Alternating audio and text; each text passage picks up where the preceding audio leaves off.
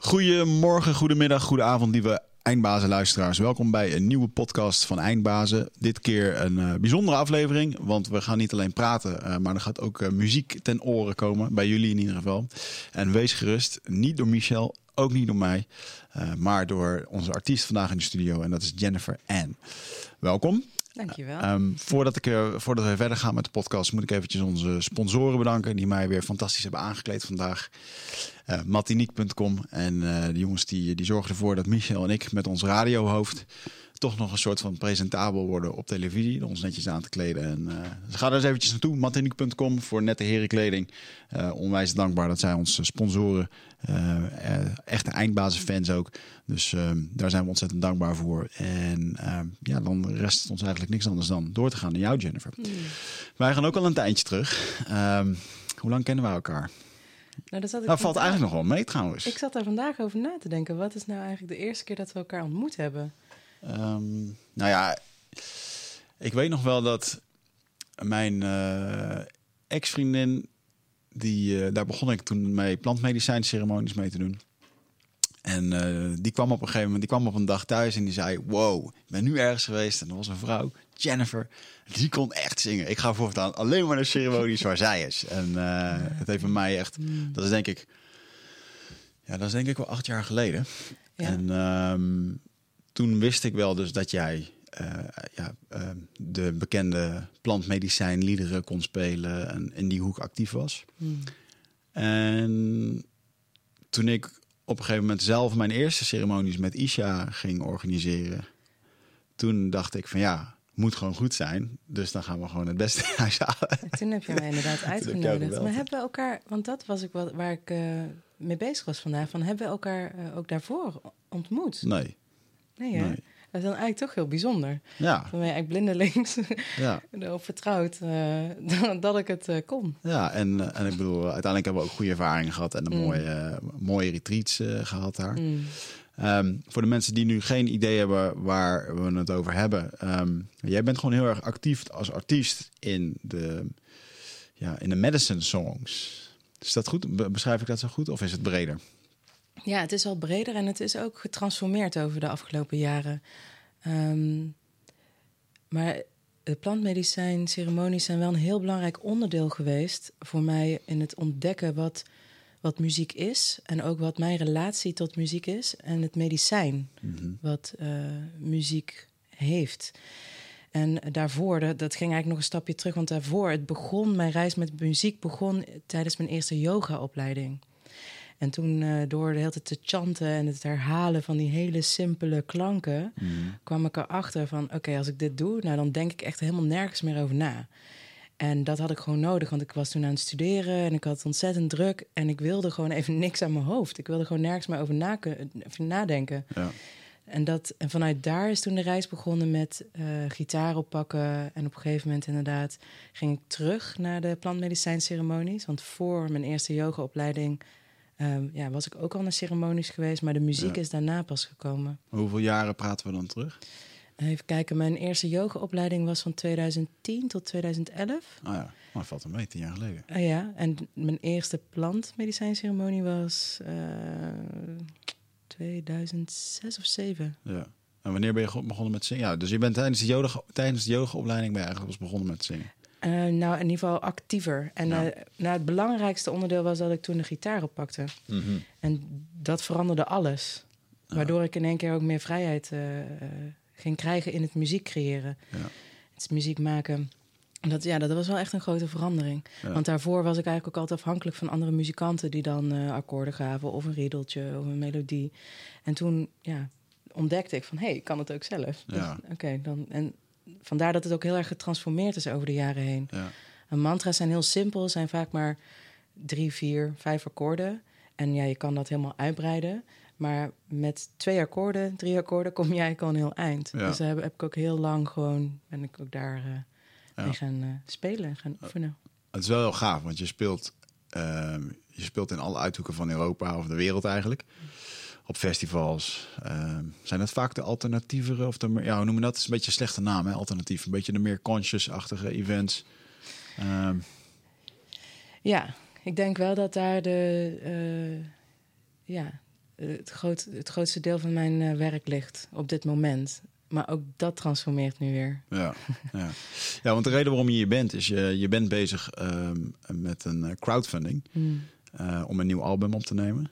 Daar mag je straks alles over vertellen. Maar wat ik heel graag wilde doen was eh, eh, A, de luisteraars een keertje aan jou blootstellen. En dan vooral aan het eh, muziek wat je ten uh, gehoren kan brengen. Ehm, en natuurlijk eindbazen luisteraars, ontzettend gaaf als jullie Jennifer daarbij willen steunen in die reis. We hebben zelf ook onze eigen donatie erin gedaan. En uh, uh, het gaat een heel gaaf album worden. We Are The Ancestors, zie ik op je website staan. Ja, dat klopt. En uh, van waar die titel? Ja, dat, is, um, dat ontstaat natuurlijk zo gedurende de tijd. Uh, dat heeft vaak is dat een lange periode en dan ineens komt dat allemaal samen. En dat is ook wat uh, op dit album gebeurt met alle nummers die daarop zijn gekomen. Dat zijn toch nummers die echt al een tijdje liggen. Sommige van 2015. En um, ja, ik moet ook denken aan mijn laatste album, wat ik in 2018 heb uitgebracht, Urban Shamanism. Die, dat, de naam was ook geboren in 2015. Mm-hmm. Grappig genoeg, toen kwam ik net uit de jungle. En uh, toen was ik bij vrienden in Amsterdam. En ik had uh, ja, veren bij me en allerlei attributen. En ik haalde ze uit een koffertje en daar was een fotograaf. En die zei, ik zou wel foto's van je willen maken. En toen zei ik, nou, dat is nou leuk. Want ik zat net te denken, hoe gaaf zou het zijn... om met deze veren en, en al mijn kleren midden hier in Amsterdam... Uh, op de ja. trambanen en, uh, foto's te maken. En dat hebben we toen gedaan. En toen ontstond dus ook de naam Urban Shamanism. Het ja. shamanisme weer terugbrengen in de urban omgeving. Dus mm. gewoon in de stad. En um, ja, Isha is een uh, gemeenschappelijke leraar die wij hebben. Ja. En uh, ik vroeg hem ooit van... ik vind het zo moeilijk om in de stad te zijn. Want ik vind het zo fijn in de natuur. En hoe kan ik, um, hoe kan ik mijn rust vinden in de stad? En toen vertelde hij mij... Maar alles, alles wat je om je heen ziet... is van de natuur. Mm. Dus de stenen waarmee de gebouwen zijn gebouwd... Uh, zelfs het asfalt, de auto's... alles komt uit de aarde. Ja. En zijn als je je verbindt met die frequentie... dan kan je overal zijn zonder dat je last hebt mm-hmm. van je omgeving. En dat heeft, dat heeft me heel erg geholpen. Mm. En um, tegelijkertijd was er een soort van opmars ook rond die tijd... van mensen die zo geïnteresseerd uh, raakten in bewustzijn, uh, gezonde voeding... Uh, nou ja, be bewust met de aarde omgaan, bewust met jezelf... bewust met je kinderen, bewust de kleding, alles ja. bewust. Ja. Um, en dus ook dat er vraag was naar de oude gebruiken... om daar weer ja, die lessen weer opnieuw te ontvangen. Ja, ja, want jij bent wel een... Um, we hebben natuurlijk veel gesproken en Hmm. je hebt het vaak over die brug bouwen. Mm. Uh, over, uh, ja, toch bijzonder over de tijd, wat, de tijden die we nu al eigenlijk al jarenlang doormaken. Wat er allemaal gebeurt in de wereld en hoe, hoe sterk en hoe meer, steeds meer mensen neigen naar dat, dat oude. Waar, waar die wijsheid echt al lang in pacht was en wat ons soms het kan helpen om weer eventjes die verbinding te vinden met onszelf. Ja. En zit daar, dat, dat komt ook terug in dit album. Ja, ja dat komt zeker terug in dit album. En um, voor mij, We Are The Ancestors, um, ja, er staat ook een nummer op, um, We Are The Ancestors. En grappig genoeg was die ook geboren in 2015. Oh. Tijdens een uh, event van Karim, is een, een, een, DJ in de conscious scene. Uh, hij had een, een, een feest wat Shine heette. En daar, uh, ja, daar had ik dat nummer toen voor geschreven. Heeft heel lang niks mee gedaan. En in één keer zette ik daar akkoorden onder vorig jaar. Ja. En toen voelde ik zo die resonantie van... ja, wat, maar wat betekent dat nou eigenlijk, We Are The Ancestors? Want we hebben... Ik had, ik had het idee of het rondom het concept... eigenlijk een conceptidee over de ancestors... van dat is iets buiten onszelf. Mm-hmm. Dus het zijn dus inderdaad onze voorouders. Of misschien is het wel iets in de toekomst. Maar ik begon steeds meer te voelen dat het een energie is die uit mij komt, of sterker nog door mij heen. Mm-hmm. Het is een energie die door mij heen leeft. Want als we het dan hebben over de ancestors of onze voorouders die geweest zijn, die leven niet meer in een fysiek lichaam. Nee. Dus als je erin gelooft, nou, dat je daar bijvoorbeeld contact mee kan hebben of dat je daarmee kan spreken.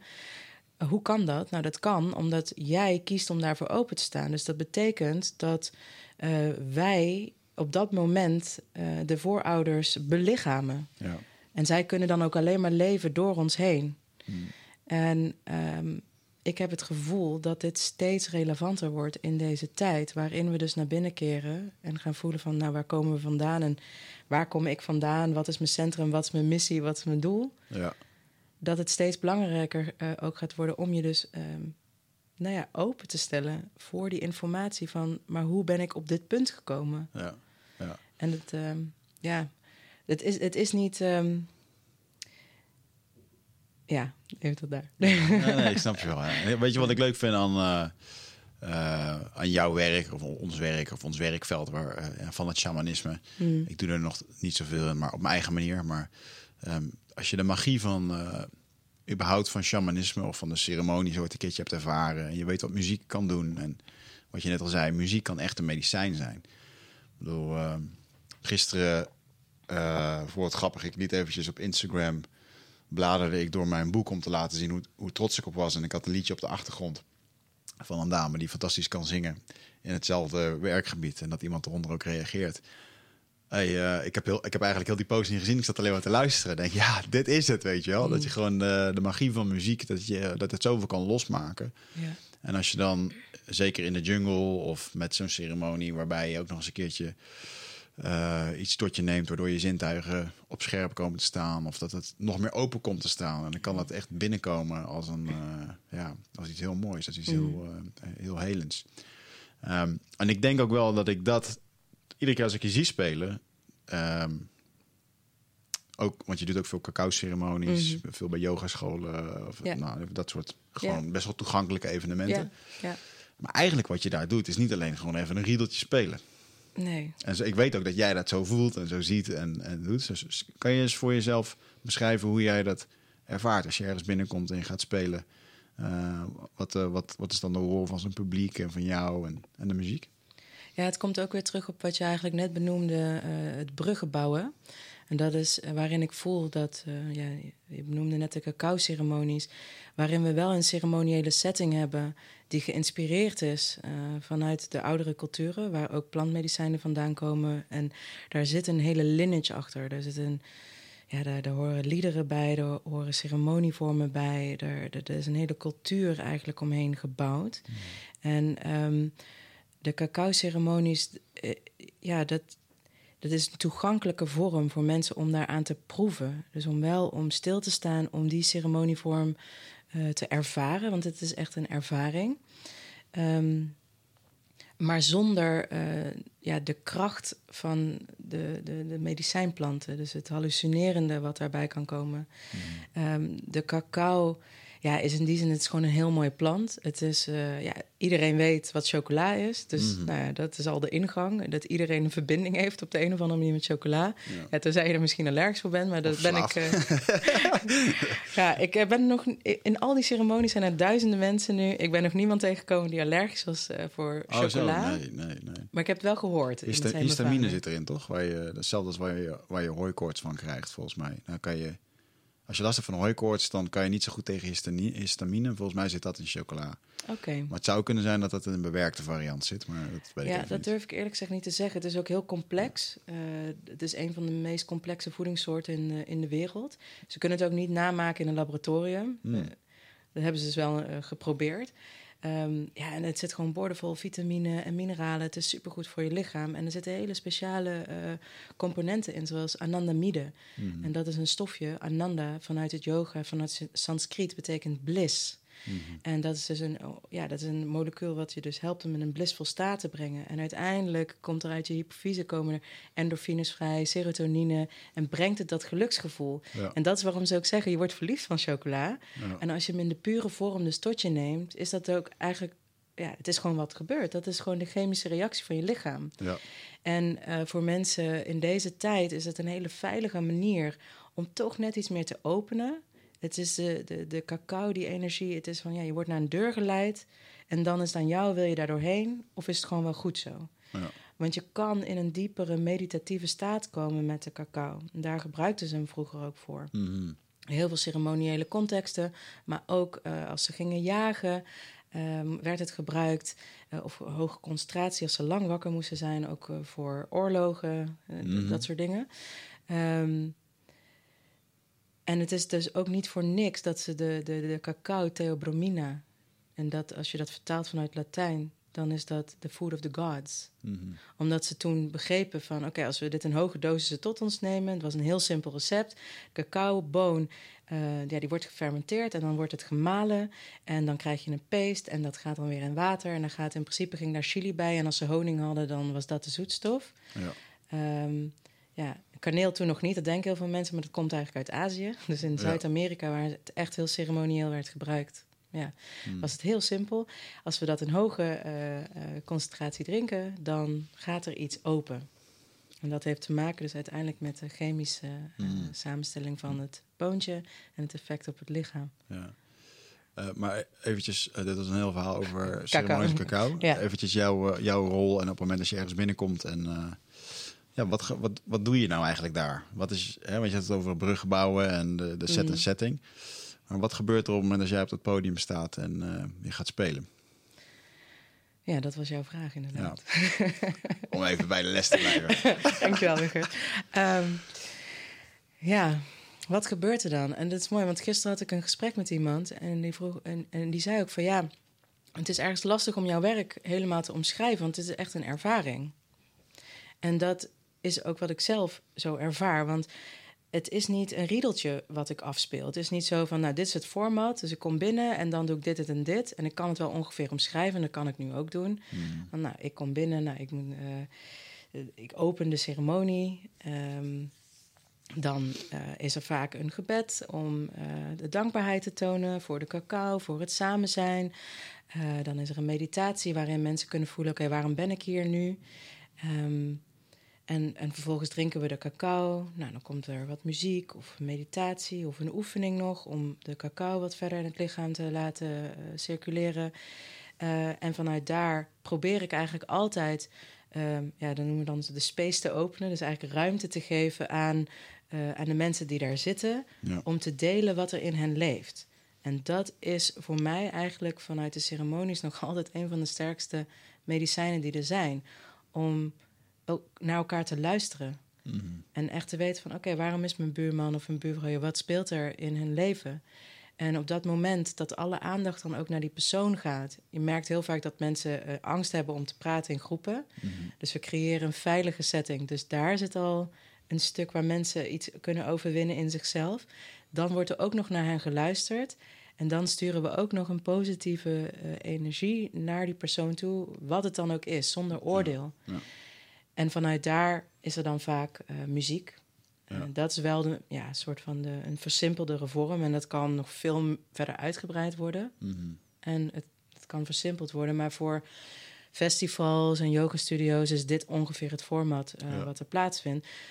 Maar wat er precies plaatsvindt, is dus echt afhankelijk van de mensen die daar komen. Ja. Want ik vertel vaak ook van het, het is een speciale constellatie. Want als je erover nadenkt, de manier waarop wij daar samen zitten, gaat nooit meer precies hetzelfde zijn.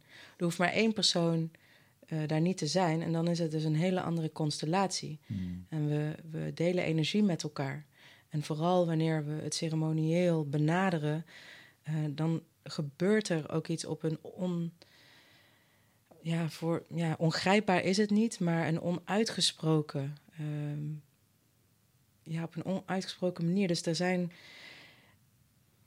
Ja, dat, dat, komt eigenlijk dan weer stuk, eh, terug op een stukje van ze tegenwoordig eh, weten ze dat, ze dat meditatie en dat gedachtengolven, dat het gewoon geluidsgolven zijn die gemeten kunnen worden.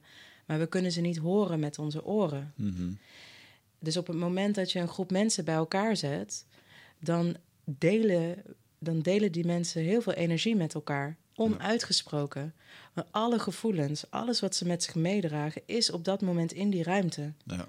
En dus betekent dat ook voor mij, als, eh, als ik een ceremonie geef, dan vraagt dat dus iets heel specifieks in dat moment. En als de groepdynamiek verandert, eh, dan wordt er weer iets anders gedaan. Ja. Dus een, het is daardoor echt een ervaring en eh, nooit hetzelfde. Ja. Ik weet nog wel dat ehm, toen ik een keer een ceremonie deed onder begeleiding van, van Isha, dat het medicijn ayahuasca mij die avond leerde wat de Icaro's nou eigenlijk doen en de, de heilige chants en zo. En Toen, toen keek ik naar mensen en toen zag ik bij iedereen ehm, allerlei gitaarstrengen, zag ik door iedereen hun lichaam heen. En dat een hele hoop van die gitaarstrengen die waren of gebroken of ingescheurd. Of, en door op het moment door, door te chanten en door als het ware die ene string aan te raken die gebroken is of wat dan ook, daar zit dan de pijn. En Mm. dat was dan de heling. Dat was voor mij een hele mooie metafoor om te zien, Mm. ja, wat, wat doen die liederen nou eigenlijk? Want als je, dat, als je dat zelf nog nooit hebt ervaren, is dat best wel eh, vreemd als we hier zo over praten, denk ik. Ja. Maar ehm, ehm, zo'n shamaan en zeker eh, eh, in, in dat soort sferen van de, van de psychedelic realm, ja, dan, dan kun je in één keer kleuren zien en geluiden. geluiden kan je ook zien. Dat, dat is heel raar als je dat zo zegt, maar dat is wel wat er gebeurt. En ik denk dat. ehm, eh, ja, misschien moet het gewoon maar eens eventjes. eh, misschien moet het maar eens op een vorm gaan, eh, gaan beluisteren van je. Ik zou je graag willen vragen eigenlijk of dat je een nummer wil, wil spelen. En dan. ja, zou ik aan de luisteraars eens willen vragen om gewoon eens even een momentje voor zichzelf te nemen en de ogen te sluiten. En er eens even goed naar te luisteren en te kijken wat er gebeurt. Ja, je, raakt nu wel iets aan een, aan een onderwerp waar ik denk, nou, er is nog veel meer over te zeggen. Maar dat gaan we dan misschien Dat gaan we zo meteen doen. Maar ik wil gewoon even, anders zitten mensen misschien de hele tijd van ja, zitten de hele tijd te lullen, maar laat het allemaal horen. En ik denk, eh, ja, we hebben tijd genoeg, dus play a song. En, eh, Ja, nou ja, omdat we het nu dus hebben over mantra's, is dan ook het eerste wat in me opkomt om eh, ook een, een mantra te delen. mhm. Dat, is- het, het, is voor mij niet alleen mantra's die ik speel. Mhm. Want het gaat eigenlijk op dit moment meer richting eh, singer-songwriter. Maar Ja. wanneer we het echt hebben over de heling, en het is wel leuk om daar later iets over te vertellen. ehm, over dit onderwerp van wat jij net ook al beschreef, over hoe muziek dus eigenlijk heling teweeg kan ja, brengen. ja, ja, doe je ding.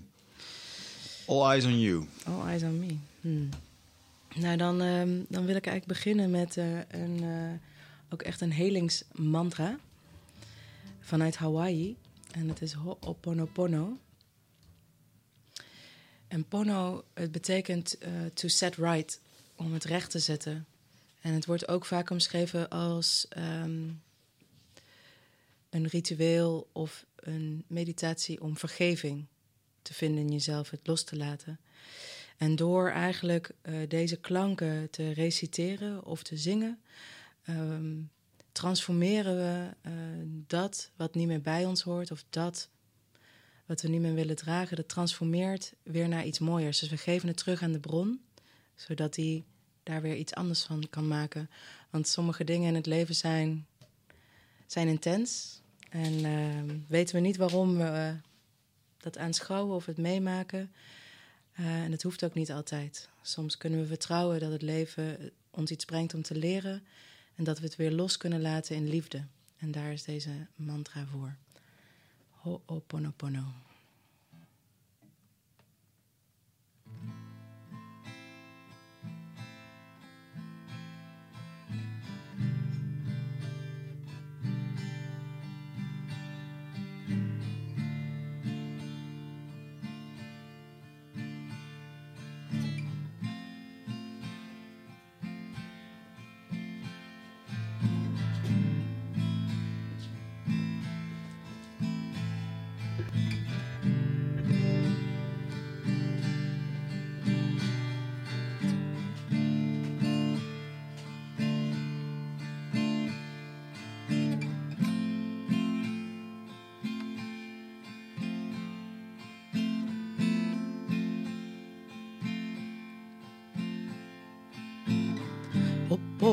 Ho'opono, ho'opono, pono, pono, ho'opono, pono, ho'opono, pono, pono, ho'opono, pono, ho'opono, pono, pono, ho'opono, pono, ho'opono, pono, pono, ho'opono, pono, ho'opono, pono, pono, ho'opono, pono, pono.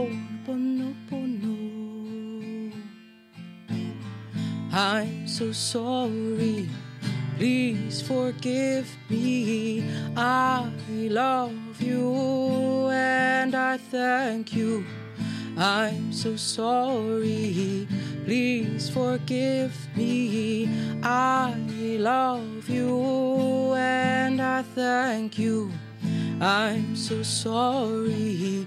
Please forgive me. I love you and I thank you. I'm so sorry. Please forgive me. I love you and I thank you. Oponopono, oponopono, oponopono, oponopono, oponopono,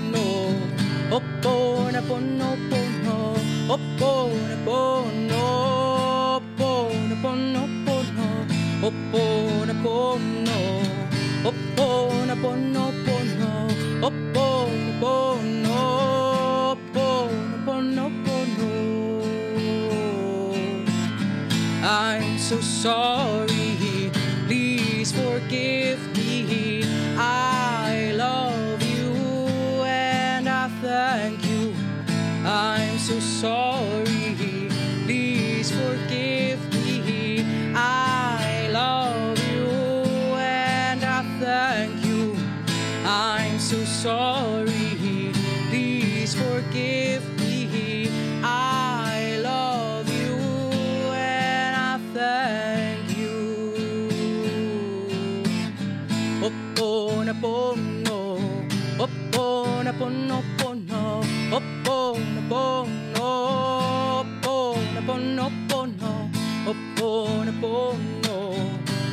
oh ho'oponopono.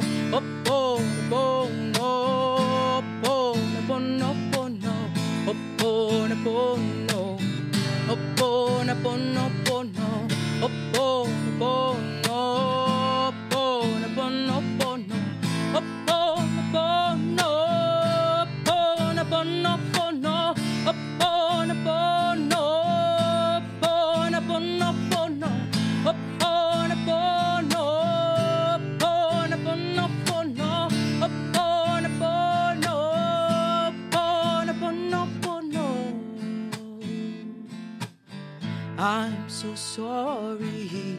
Please forgive me. I love you and I thank you. I'm so sorry. Please forgive me. I love you and I thank you. I'm so sorry. Please forgive me.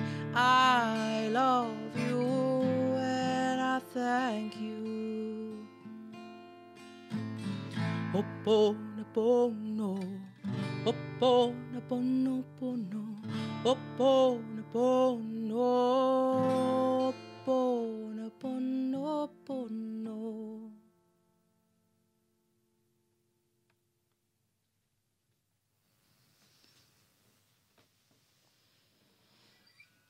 Wauw, mooi.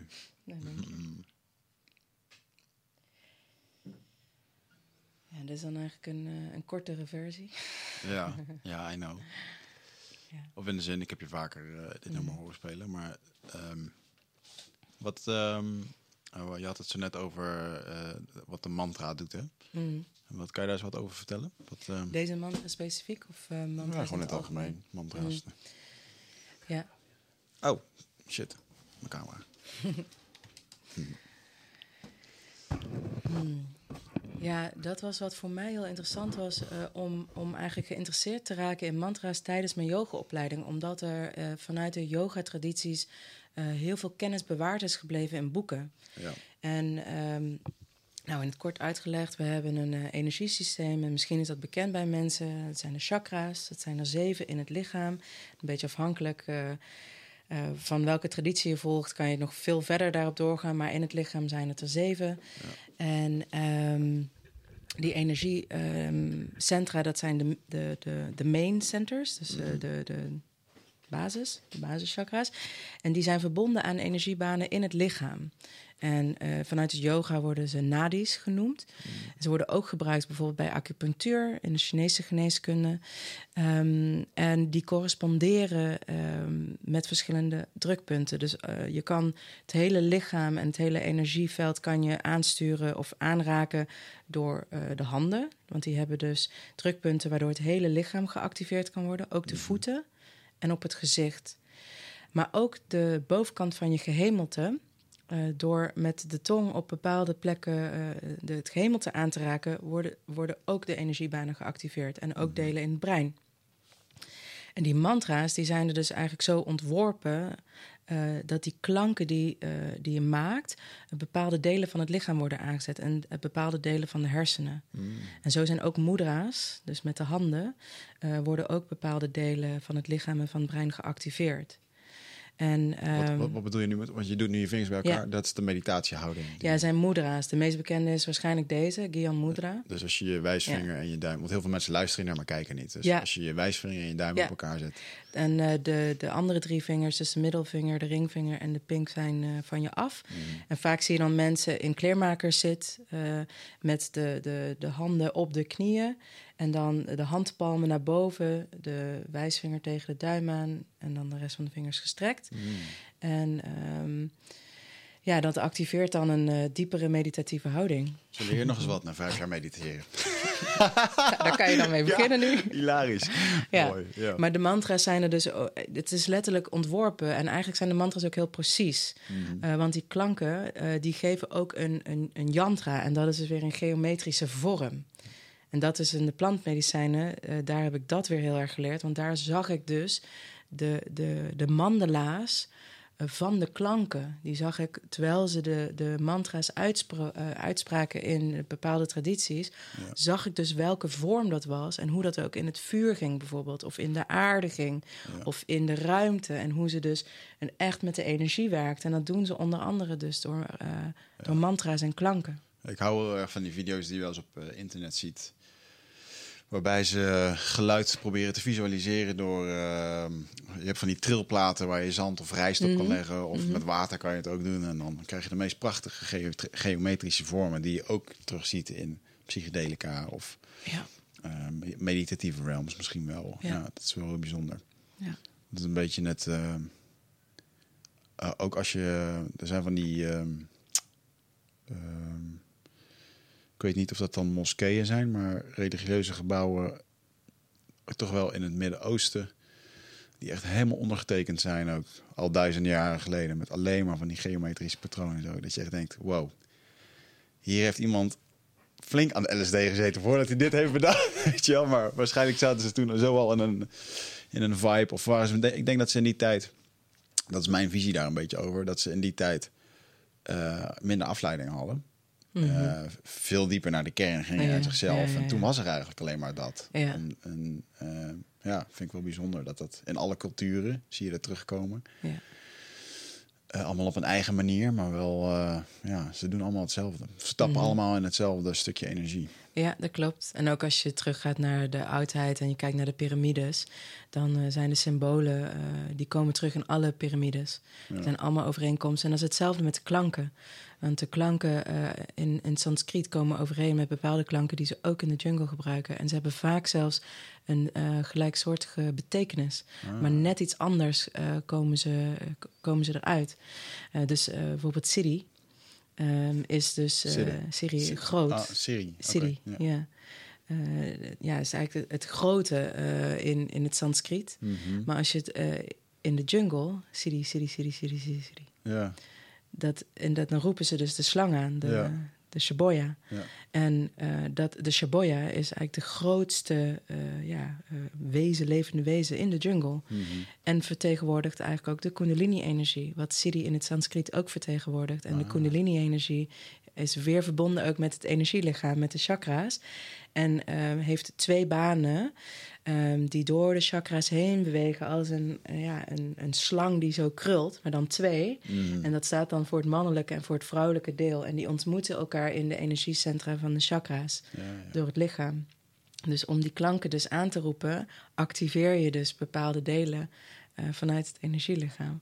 En hoe verder je erin duikt, hoe Ja, interessanter het wordt. Ja, nee, ja, ga verder. Weet je, Ja. als je er meer over weet, bedoel, ik vind het interessant. Ja, het is ook nog steeds, het voelt gewoon ook nog steeds als een studie. Het, het, is, het gaat zo diep Mhm. en het voelt nog niet eh, klaar of zo, of dat ik kundig genoeg ben om daar echt een soort van volledige lezingen over te geven. maar Maar- is het jouw, eh, jouw lering of jouw perceptie eh, daarover? Ik bedoel, ik heb wel eens...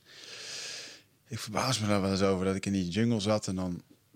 op een gegeven moment, uh, er was Isha bijvoorbeeld, of andere shamanen waren er nog niet aan het chanten. Maar dan dacht ik op een gegeven moment, zijn ze nu gewoon aan het praten met elkaar? en dan, dan, stond hij gewoon in de lucht, stond hij gewoon, stond hij gewoon te praten tegen iets. Of te, um, of uh, wat ik bijvoorbeeld heel bijzonder acht. Dus ik heb mijn, uh, mijn eigen, hoe noem je dat? Ik noem het altijd maar de magische veren. Zijn drie veren. En, I en Isha die zei ooit, ik ga die veren voor jou inwijden. En uh, en lieve mensen, ik was toen duidelijk onder invloed van ayahuasca, dus alles was mogelijk in dat moment. Maar hij pakte die veren. Uh, het zijn drie hele lange staartveren van een, uh, van een ara-papegaai. En hij heeft gewoon een kwartier lang tegen die veren zitten praten. Waarbij ik letterlijk de energie tussen hem en wat hij sprak en in die veer. En ik zag het allemaal transformeren. En als het ware. Je kent al vroeger had je nog van die televisies. Als je heel dicht op ging met je ogen, zag je allemaal van die blokjes met kleuren. En dat, dat gebeurde precies daartussen, mm. weet je wel. En, um, en, en nu nog, ik weet gewoon, nu nog heeft dat ding, dat ding respectvol, maar uh, die veren hebben gewoon een onwijze lading, weet je. Ja. Ik kan daar, ik heb daar volwassen mensen mee, nu nog steeds in mijn retreats. Dan doe ik daar mijn dingen mee. En dan uh, volwassen mensen die gewoon, uh, alsof je gewoon een stuk van een, van een ziel op dat moment even door kan snijden of kan aantikken. Wat, uh, wat je daarmee kan doen. En, en ja, soms is het lastig om, om dit bespreekbaar te maken, omdat het zo ontastbaar is. Maar dat alles gewoon energie heeft en dat iets ook echt een energie bij zich kan dragen. dus bijvoorbeeld uh, de, de, energie van een dier. Of dat is natuurlijk ook waarom men in het shamanisme de dierenbotjes en de veren gebruiken, omdat ze dan de kracht van het dier hebben. Hmm. En uh, uh, ja, anderzijds, weet je, ik vergelijk het allemaal heel simpel. Als je je kat bij je hebt, die heeft ook een bepaalde energie bij zich, waardoor, je, waardoor die rust brengt. Of waardoor die, hè, dat, of, of jouw hond, die heeft ook een bepaalde energie. En dat, dat is gewoon voelbaar. Dat doet gewoon iets met ons. En, en ik denk dat dat niet op hoeft te houden op het moment als zo'n dier uh, komt te overlijden. Ja. Net wat je zegt met die, uh, met die ancestors. Um, ik, ik, vind dat het mooi om meditaties te geven, uh, voor oude meditaties, om mensen mm. in de space te brengen. En neem jezelf gewoon eens voor dat je daar. Neem jezelf gewoon eens voor in een meditatie dat je daar contact wil maken. Met mm. bijvoorbeeld een overleden iemand of, uh, of iets wat er groter is dan onszelf. Of een, en, en dan durf jezelf er eens aan over te geven dat het misschien mogelijk zou kunnen zijn. Want je kan er een hele sterke mening over hebben dat het wel of niet is. Maar mm. je hebt net zoveel kans dat het niet waar is als dat het wel is.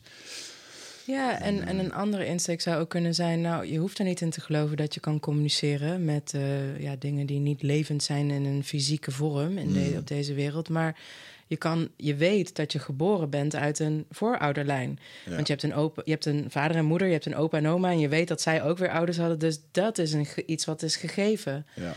Dus een, ja, als je daar niet uh, voor open staat om daar mee te ja, te, te, communiceren of iets dergelijks, kan je in ieder geval dankbaarheid geven. Want doordat die mensen een leven hebben geleefd, ben jij ook op de wereld gekomen. En alleen dat um, is al iets heel moois om te doen. Om te zeggen: dankjewel voor al die levens die voor mij zijn gekomen, dat ik nu hier sta. Ja. ja.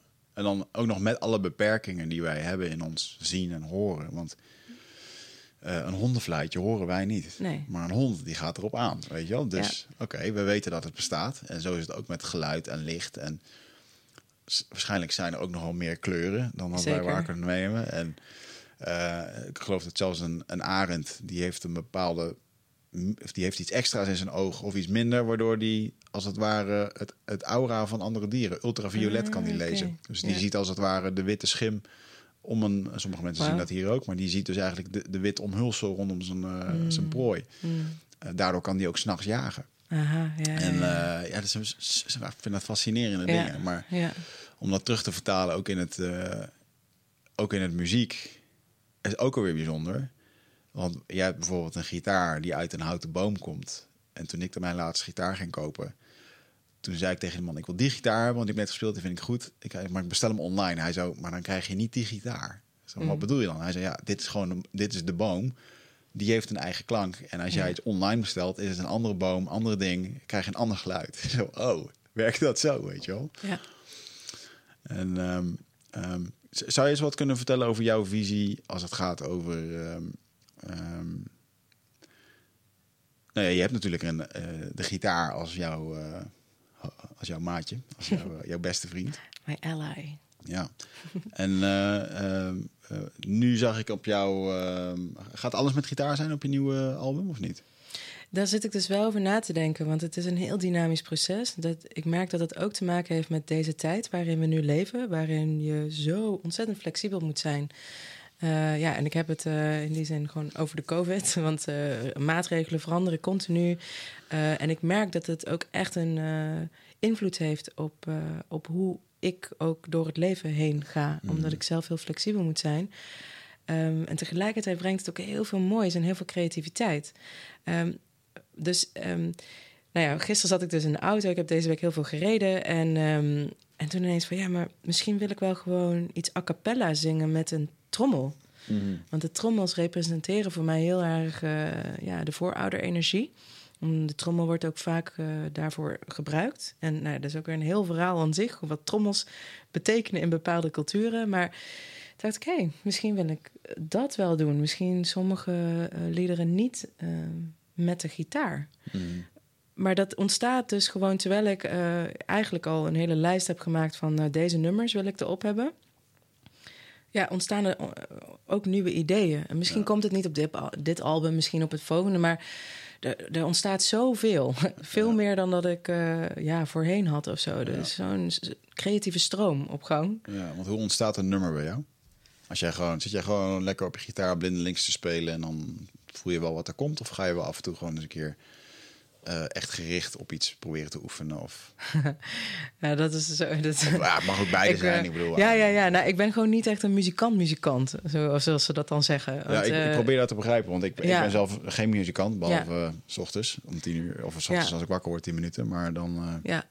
Ja, ik ben ook in die zin niet uh, uh, klassiek geschoold of zo binnen de muziek. Ik ben muziek gaan maken omdat het uh, mij heling bracht. En dat is denk ik misschien het allerbelangrijkste. Want ik ontdekte dus inderdaad dat mijn hoofd helemaal leeg was toen ik ging chanten. En dacht, oh, dit is echt zo fijn. Dit heb ik echt nodig. Ja. En vanuit daar ontstond de hele reis toen dacht ik, oké, okay, nou, uh, nou, hoe werkt dat dan? Oké, okay, nou, oké, okay, snaren en dan moet ik mijn vingers met me erop zetten. En dan, uh, oh, dan kan ik nog uh, met de andere hand op en neer. Oh, dan kan ik tokkelen. En ik ging het eigenlijk gewoon ontdekken. Ik ben ook meer een autodidact. Dus ik leer het liefst gewoon door te ervaren. Ja. En um, ja, het is altijd een soort van stroom geweest. En het heel vaak ook een soort van aan-uit, aan-uit relatie. Want er waren dan momenten dat ik voelde van, oh, nu ben ik geïnspireerd. En bij mij persoonlijk komt het vaak door het reizen, dat ik heel veel inspiratie voel. Mm. En het uitzicht niet alleen maar in, uh, in de muziek, dat uitzicht dan ook in uh, schrijven bijvoorbeeld. Uh, dat is ook nog een ding wat nou, soort van op de lange baan ligt voor me. Maar ik heb inmiddels heel veel geschreven ook. Um, en, ja, en dan, dan heb ik dus een ervaring en dan komt het, bij mij komt het dan ineens. Dus eh, bij mij werkt het niet om dan te gaan zitten en te zeggen van nou ik ga nu een nummer schrijven. Ik heb het wel eens gedaan en het lukt ook wel. Maar ik merk dan dat het niet dezelfde energie heeft dan wanneer het gewoon zo als een bijna een blikseminslag zo. Oké, ik ben geïnspireerd, ik pak mijn gitaar en ik speel en dan komt er iets uit. Mm. En dan klopt het ook. De tekst is er in één keer, uh, de melodie is er in één keer. En dan voor mij persoonlijk is het een kwestie van spelen, spelen, spelen, spelen. En dan op een gegeven moment is de vorm duidelijk. En die verandert soms ook wel eens. Mm -hmm. En voor mij, ik denk dat het voor mij ook een langer proces is dan uh, de muzikant, muzikant, om het zo maar te zeggen. Want sommige liedjes ja. liggen bij mij ja, echt wel vijf jaar gewoon op de plank, totdat ze compleet ja. voelen. Maar is dat ook niet anders dan waar je natuurlijk, uh, stel dat ik jouw uh, platenproducer ben, dan moet er gewoon over drie maanden een, een, lied leren, toch? Dat is dan gewoon. Ja, oké. Okay. Ja, dat, daar ben ik nu wel, daar ben ik wel naartoe gegroeid. Dat ja. kan ik nu dus wel. Dus um, nu ja, komt er nogal wat inspiratie en denk ik nog wel na over, uh, nou, misschien uh, dit liedje wel en dat niet. Misschien wil ik dit toch nog wisselen. Maar de basis, er zijn een aantal nummers die komen er gewoon op, dat weet ik zeker. Ja. En nou, het kan zijn als ik er op een gegeven moment met een, uh, met een aantal muzikanten ga repeteren, dat het een klein beetje verandert of dat het net een andere feeling krijgt. Maar de basis die is er gewoon, want die heb ik geschreven. Um, maar ja, ik ga dus ook nu twee maanden op pad om dit proces ook uh, af te ronden. En dat gaat inderdaad wel gewoon die liedjes spelen, spelen, spelen. En op een gegeven moment, ja, dan voelt oké, okay, dit is de vorm. En ja. vanuit daar kan je, nou ja, kan je een trommel of een ritme of een, uh, een melodielijn horen. Ja. En dat gaat dan in samenspraak met de andere muzikanten. Ja. Maar dat, is, dat was voor mij geen, dat was niet vanzelfsprekend. Nee. Zelfs bij mijn laatste album uh, heb ik. Um, heb ik gewoon Urban Shamanism in 2018 heb ik muzikanten bij elkaar eh, verzameld waar ik ook al eerder mee gespeeld had. En toen hebben we een dag gerepeteerd en toen zijn we een studio ingegaan. En hebben we het live opgenomen. En eigenlijk zijn tot nu toe al mijn cd's zo opgenomen. Ja. En dit wordt het eerste album waarin ik dat eh, dus echt ga laten doen door een producer. Waardoor dus eh, waarschijnlijk de gitaar apart, de zang apart, de andere instrumenten worden apart. Ehm, op clicktrack, want dat heb ik ook in het verleden niet gedaan. Dat is een, het ritme, eh, wat, eh, ja, een metronoom wat Ja, het ritme aangeeft. Heb ik dus ook nooit gedaan. oké. Het was gewoon niet waar ik was. En nu pas voel ik, eh, ja, na al die jaren, van oké, ik denk dat ik het nu wel kan. Ja, mooi. En mooi. dan ga ik dus ook samenwerken met een producer die ik ook al sinds 2016 ken. En die zit in Bali. Dus dat is ook maar net de vraag of dat gaat lukken, of ik daarheen kan gaan begin volgend jaar. Ja, Daar gaan we wel voor. gaan we wel voor. Daar gaan we wel voor, ja. Alright, dan wil ik zo meteen nog even wat eh, verder kletsen over, jou, eh, over je nieuwe album en het eh, hoe en wat. ja. En eh wou ik je eigenlijk gewoon nog een keer vragen of dat je... Heb je een favoriet nummer wat op dat album komt? Ja, meerdere favorieten. Maar deze kwam eh, wel heel duidelijk doordat ik eh, die ook graag met jou wil delen. Omdat die geïnspireerd is op eh, de Kashinawa, of de Mhm. Honey Queen. Mhm. Mensen die, nou, waar wij ook een liefde voor hebben. Want er zit de chant in Eskawatan Kayawai, Kayawai Kiki. Mhm. En ehm, verder is het gewoon een Engelse tekst. Dus er is een klein stukje eigenlijk van die mantra erin verwerkt. En dat gaat over transformatie. En het voelt gewoon zo relevant in deze tijd. Het voelt, ik voel zelf dat ik door een enorme transformatie ga. Ehm, maar ook de wereld om mij heen. Alsof niks meer hetzelfde is als voorheen. En dat is misschien ook een gegeven. Want change is the only certain thing that we have in this world. Maar nu lijkt het wel zo hard te gaan, die transformatie. En dit is een lied wat ik geschreven heb in 2017, volgens mij, in Costa Rica. Oh, wauw. Toen was ik in een andere jungle. En toen voelde ik zo de connectie met de jungle in Brazilië. En toen kwam dit lied in één keer eruit rollen. Hmm. Hey eindbaas en luisteraar, dankjewel dat je zit te luisteren naar deze podcast. Ik onderbreek hem eventjes voor een hele belangrijke boodschap. Of misschien liever gezegd een uitnodiging. Want op 24, 25 en 26 mei, dan is er weer een nieuwe editie van Rite of Passage. Dat is mijn retreat voor persoonlijke ontwikkeling. En speciaal voor de mensen die op zoek zijn naar, ja, naar, helderheid. Of dat ze lastig bij hun gevoel kunnen komen. Dat ze moeilijke beslissingen moeten maken. En dat ze zo ontzettend in hun hoofd zitten. Ja, dat ze er eigenlijk gewoon niet meer goed uitkomen. Of dat ze misschien al heel lang in een, ja, een soort van oud gevoel zitten. Dat ze dat gevoel willen transformeren. Of misschien wil je gewoon een oud stuk achter je laten. Ergens een punt achter zetten. En ja, zoek je misschien heling op iets wat, wat je te lang hebt weggeduwd of, of hebt vermeden. Ja, daarvoor wil ik je uitnodigen op 24, 25 en 26 mei om in een retreat mee te doen waar de inhoud van het programma geheim is. Waar de belofte is dat het oncomfortabel wordt. Want jij begrijpt als geen ander dat als je die volgende stap wilt maken, ja, dan zul je uit de comfortzone moeten komen. En ik garandeer je, laat mij dat proces begeleiden met jou voor drie dagen. En je leven zal daarna nooit meer hetzelfde zijn. Gemiddeld beoordelen de deelnemers het met een 9,2. En daar ben ik ontzettend trots op. Er is ook een money back guarantee. Heb je de drie dagen vol, volbracht en vind je het niks, krijg je gewoon je geld terug. Dus het enige risico wat er is, is dat je gelukkiger kan worden. Ik zie je op Bride of Passage. Ga naar wichertmeerman.nl en klik op Retreat. En ehm, ja, die ligt dus ook al een tijd. Maar hij voelt wel heel erg voor nu. Mooi. Let's go for it. Eh, maar het lied heet dus eh, Stardust. Niet Eska Watakayawai.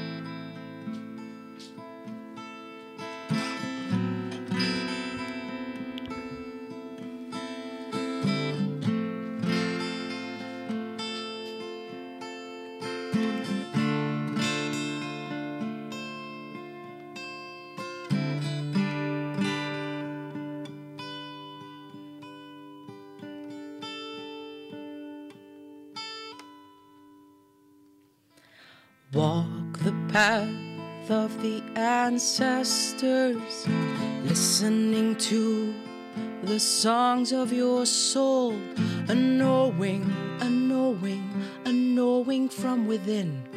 It's saying, it's saying, it's saying to you. Transformation comes when the time is right.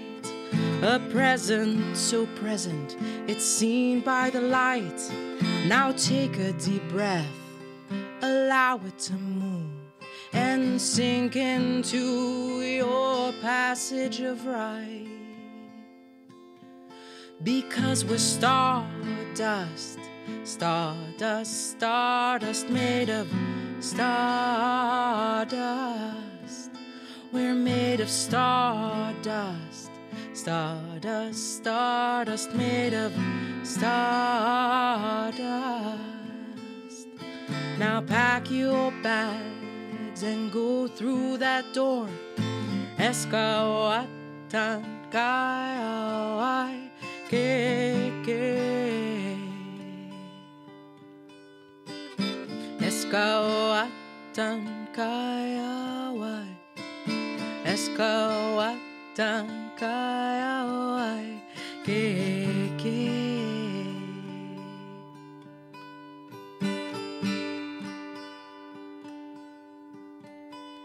When the time is right, all will unfold.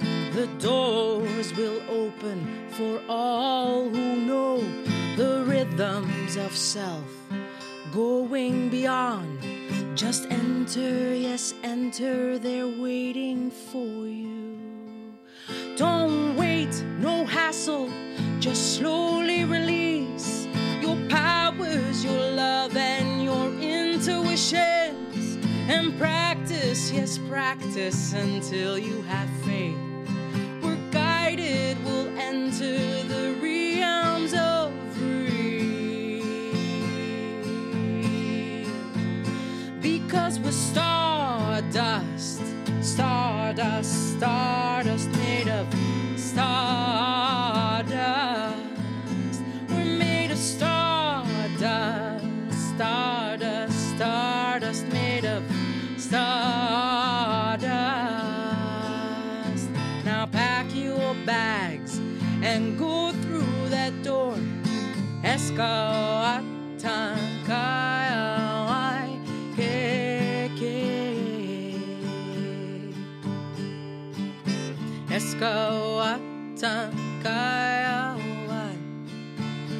Eskawatan kaya Eskawatan kaya Eskawatan kaya ke ke.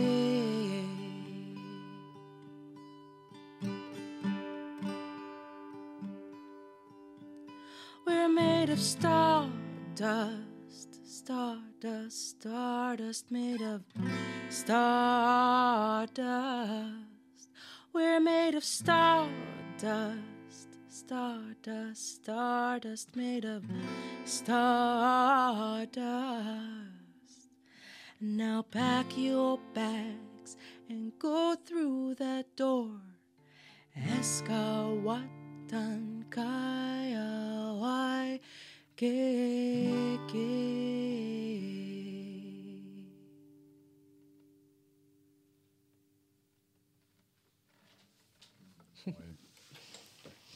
De- het verhaal van eh, hoe, waar ik dit, dit lied heb geschreven komt nu helemaal terug. Ja. En, en dat is eigenlijk een heel belangrijk onderdeel. Ik denk dat dat, eh, ja, laat ik voor mezelf spreken, maar ik denk dat meerdere muzikanten zich daarmee kunnen verbinden. Wat voor mij echt een reis was.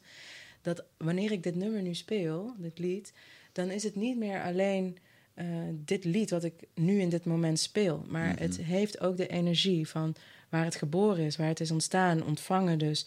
Eh, maar ook alle andere plekken waar ik het heb gespeeld. Voor al die andere mensen, al die energie zit dus in die muziek. Ja.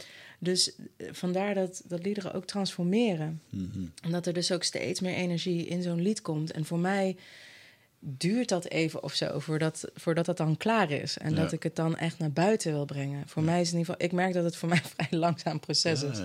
Ja, maar je mag je eigen. Ja, mag je eigen. Ja, je hebt toch je eigen artiestenproces daarin. Ja, ja, maar het is voor mij in ieder geval niet Iets gebruikelijk. dichter willen Oh, ja. schuiven naar de Gaan we even doen. luisteraars Dat we een die gedoe eh, met een schelp op de fiets zitten. Ja, gaat goed. Oké. ja, en eh, is het, ehm, wordt het makkelijker, het proces? Ja, het wordt wel makkelijker, maar wat je ook zei, we hebben allemaal een eigen ritme. Daar gaat het lied ook over. Van alles komt op het juiste moment. Mhm. En ik heb gewoon gemerkt, voor mij duren dingen gewoon soms langer. Ja. En ik heb mezelf daar zo, ik heb mezelf zo moeilijk gemaakt, zoveel oordeel daarover gehad naar mezelf toe. Totdat ik dacht, nou, zal ik er anders gewoon lekker in gaan ontspannen? En oké, nou, dan duurt het misschien maar vijf jaar, of dan duurt het misschien maar tien jaar. Ja. Maar dat is dan wat, wat dit nodig heeft om via mij de wereld in te komen. En ja, ik ben nu steeds meer eh, daarin aan het ontspannen en aan het genieten en, en aan het luisteren. ehm, ja, wat een lied van mij vraagt. In plaats van dat ik het lied helemaal wil sturen en het moet zo zijn. Van Ja. nee, het lied is ook via meditatie, via een heel speciaal moment bij me gekomen. Dus hoezo ben ik dan de baas daarover? Dat is voor mij heel erg uit, vanuit mijn mind. Mhm. En liederen zijn voor mij meer een belichaming. En dat heeft tijd nodig om iets te belichamen. Je wordt ook niet ineens eh, ja, heel goed in, eh, in een vechtsport of zo. Of, eh, nou, ook, of in muziek maken, gitaar, wat het dan ook is. Het Ja. heeft tijd nodig. En zo dus voor mij ook de liederen hebben tijd nodig. Ja. Verzorging. Ja, mooi. Ja, ik, ja, ik ken jou niet anders dan dat je er heel veel bezieling in gooit. En, Mm. som, de, ik, ik snap dat creatieve proces wel. En ik denk dat. Ik denk dat heel veel artiesten dat. Ja, heel veel artiesten zullen dit herkennen, denk ik. Dat. eh, ik denk dat er wel. Ja, het is wel moeilijk om, denk ik, soms om die balans te maken tussen Mm. eh, de, de bezieling die je erin wil gooien en de interne criticus. Hè, van wanneer is het klaar of wanneer is het goed genoeg. Mm.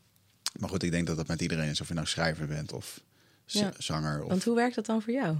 Dat proces. Want jij, eh, jij schrijft schrijven? ook. Ja, bijvoorbeeld. Poeh. Eh, laten we daar een andere podcast over Oké. Nou, in de zin van... ja, ik heb... Ik, ehm, toen ik terugkwam uit de jungle had ik natuurlijk een hele hoop opgeschreven. Maar dat, ja, dat gewoon mijn eigen gedachten opgeschreven. En toen, om dat echt in, een, in iets te gieten wat, waardoor het overkomt op Mm. anderen. Dat is echt wel andere koek. Mm. Dus dat begon bij mij heel simpel. Gewoon, ehm, ja, soms dan denk ik wel eens, het is een beetje tegenstrijdig hè, met eh, kijken naar wat de buitenwereld ervan vindt. Maar ehm, als, de, als een aantal mensen in de buitenwereld het gewoon niet begrijpen of niet, niet snappen, dan, dan is dat ook een teken. En voor, maar mij wat was voor dat. teken dan? Nou ja, dat, dat men dus zegt, ja, leuk verhaal en ik snap het wel, maar ik begrijp het nog niet helemaal of het komt niet helemaal over. Mhm. Ehm, dus dat was voor mij wel een, ehm, een teken van: oké, wat ik zeg, daar hebben mensen wel interesse in. Maar hoe dat ik dat doe, eh, daar kan wel echt wel aan gesleuteld worden. Mm. En dus toen ben ik een schrijverscursus gaan, gaan volgen. Mm. Dat heeft me heel veel houvast gegeven over. Wat is, nou, eigenlijk moet je het dan zo zien. Ja, oké, als je dus eh, muziek gaat spelen, dan is het fijn dat je een akkoord van eh, vier in vier tellen doet in plaats van op je eigen manier. Waarvan jij denkt dat het goed is. Ik noem maar even wat. Misschien is het een heel slecht voorbeeld. Maar, maar ehm, gewoon, gewoon eigenlijk de basis. En vanuit daar moet je dan je eigen stem gaan ontwikkelen. En Ja. eh, ik moet heel erg zeggen dat ehm, ook rolmodellen mij er ontzettend in geholpen hebben. Dus ik, af en toe lees ik een boek. Laatst heb ik een boek gelezen, Papillon, van een Franse meneer. Mm. Ging totaal over iets anders. Maar die had een manier van schrijven van ik dacht, ja, dit, dit is tof hoe jij schrijft. Dit, is, dit spreekt zo aan. En dan denk ik dat ik eh, dat ook wel tot me neem om zo'n manier, eh, ja, de manier van overbrengen. En, maar echt het creatieve proces aanroepen met, eh, ik heb gewoon, ja, ik heb, ik, mijn beste schrijfdagen heb ik gehad door hier acht uur te zitten. Waarvan er anderhalf uur goed werd geschreven. En de rest zat ik me vooral heel veel te proberen, op te vreten, nog een keer koffie halen. En, de- en ja, ik, ik heb dan een vriendin thuis die gaat gewoon, oké, ik ga even schrijven boven. En die komt dan een uur later met twee hoofdstukken naar beneden. En dan denk ik, ja, is echt heel goed. Weet je, en eh, die begrijpt mijn schrijfproces ook niet. Dat ik dat daar zo in vecht of Ja. Ben ik er niet in lijn in dat moment. Of ja, ik probeer dat zelf ook nog te, te vinden. Mhm. Maar goed, ja, het schrijversproces. Ik denk dat het, cre- het creatieve proces, en zeker als je de lat hoog legt, en ik denk dat ik dat doe voor mezelf, denk dat jij Mhm. dat ook wel doet voor jezelf, dat, dat, eh, ja, dat het dan toch automatisch wel een, eh, een lastig proces kan zijn. Ja, nou, ik heb dat ook ervaren. Maar eigenlijk door me over te geven aan mijn natuurlijke aard, Hmm. wat ik dus sowieso toch niet kan veranderen, maar wat ik denk dat ik dat wil veranderen, omdat ik mezelf dan eh, ja, aan het spiegelen ben met de buitenwereld, waarvan ik het idee heb dat ik op een bepaalde manier moet zijn. Maar ik ben me steeds meer aan het ontspannen in van ja, maar als dat niet goed voelt voor mij.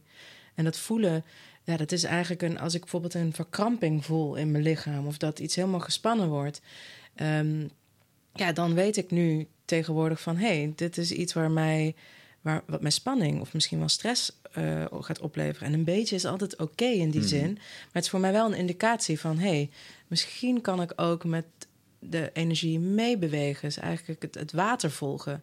Misschien is het ook meer iets vrouwelijks. Maar ik heb wel gemerkt dat door dat te doen, me echt over te geven aan mijn eigen aard. Letterlijk van wie ben ik en, en hoe vind ik dingen fijn. En daar oké mee te zijn. En niet meer ook me te willen verantwoorden tegenover de buitenwereld, continu. Maar van ja, maar het is, het is eigenlijk zo en je begrijpt me verkeerd en allemaal dat soort dingen. Dat los te laten van oké, als mensen me niet goed begrijpen, Ja. Tuurlijk kan ik daarnaar luisteren. En eh, als het klopt of als het resoneert, ja, dan leer ik daarvan en dan ga ik iets aanpassen. Mhm. Maar het is geen gevecht meer. ja. En dat is voor mij in het afgelopen jaar heel sterk veranderd. En is ook de, voor mij ook iets nieuws in het nieuwe album, in het nieuwe werk wat ik nu ga creëren. Dat er een, een diep, diep vertrouwen is. En vooral in deze tijd, nogmaals, want we zitten echt in veranderlijke tijden. Het enige waar ik nou naar terug kon of op kon terugvallen was het verdiepe, diepe vertrouwen in het leven. Dat als je het leven vertrouwt, dan vertrouw je alles. En dan zijn er geen fouten, alles klopt Mm. zoals het hoort te zijn. ja. En dan ook, ook deze eh, turbulente tijd klopt voor waar we naartoe gaan eh, als een wereld of mensheid. Het hoort er allemaal bij. En ook de uitdagingen die daarin zitten. Want het zijn geen makkelijke tijden en de een heeft er meer last van dan het ander. Dus om daarin het rustpunt te vinden, moest ik zo naar binnen en zo Mm. zeggen: Oké, maar ik vertrouw op dit leven. En dat zo gewoon culti- blijven cultiveren. En dan kom ik er steeds weer op uit, ja, maar ik kan mezelf dus niet anders maken dan, dan dat ik ben. Ik ben zo gekomen, ik zie er zo uit. Ik heb geen blonde haren bijvoorbeeld, wilde ik vroeger altijd, maar die heb ik niet. Ja. Eh, en zo steeds stap voor stap meer zeggen, maar dit is gewoon wat ik mag zijn. En dat is dus ook de muziek die door mij heen geboren wil worden. Dit is wat het wil zijn. Mhm. Maar goed, ja, de struggle die je net benoemd heb ik ook meegemaakt. Dus, maar het kan dus ook weer transformeren. Ja, ja. Je, komt wel, je kan snel terugvallen in die berusting op het moment als je in één keer weet je, klikt in dat moment van, oh ja, dat moest het toch zo zijn, denk ik. Weet je wel. Ik heb nu wel weer een beetje idee, nu zijn we op een soort van eindpunt. En dan denk ik, ja, het had ook niet eerder gekund. En, Mm, eh, ja. eh, ja. Dus ik snap ook wel dat voor een album, ja, je voelt vanzelf wanneer je er klaar voor bent en wanneer Ja. het moet gaan gebeuren. Ja. Dus voor, voor de luisteraars die eh, ondertussen eh, enthousiast zijn en meer willen weten, ehm, op jouw website eh, Jennifer Ann Sings met N met dubbel N eh, punt .com.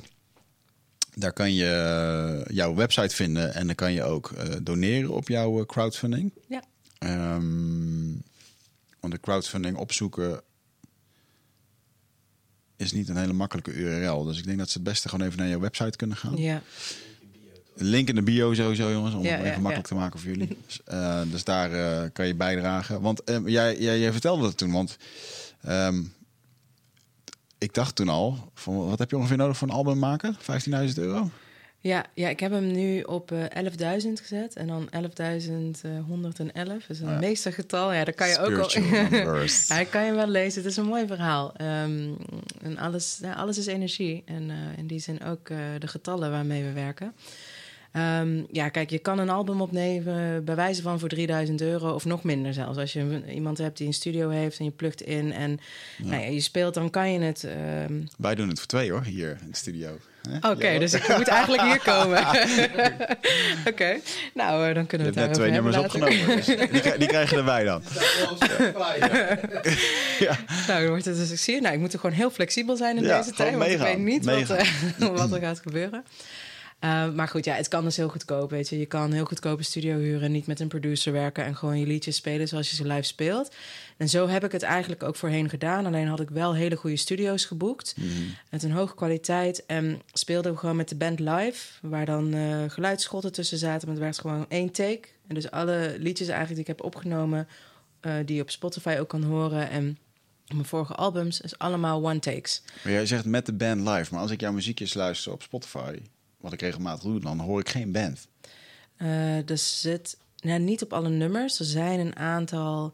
Ik heb een, ja, een EP, dat is wel live opgenomen. En dat is met dezelfde producer als waarmee ik nu wil gaan samenwerken in, uh, in Bali. Mm. Um, hij, had, hij was toen in Nederland en hij had zijn uh, On The Road studio mee. En toen zijn we in een houten huisje gaan zitten met vuur. Oh. En het opgenomen. Maar de, hoe mijn stem daar klinkt, gewoon in de energie.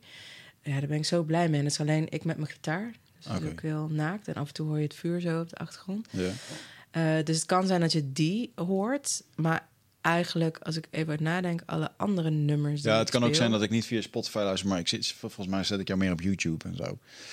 Oh, Oké, okay. ja, mijn YouTube, ja, dat. Ik ben nog steeds bezig om dat een beetje op te ruimen allemaal. Oh, maar ja. ja, okay, maar, maar de, eigenlijk alle nummers die zijn echt zijn uitgebracht. Um, ja, dat, dat is wel uh, met een band. Ja. Mm, Oké. Okay. Misschien beter Ja, luisteren. dan ga ik dat beter luisteren. Ja, maar dat is dus misschien wel het grappige. Hè? Dat ik dus, ik luister ook vaak helemaal niet naar uh, uh, de, wat er gezongen wordt of zo. Ja. Bedoel, het moet goed klinken, het komt wel lekker binnen. Flarden wel. Ja.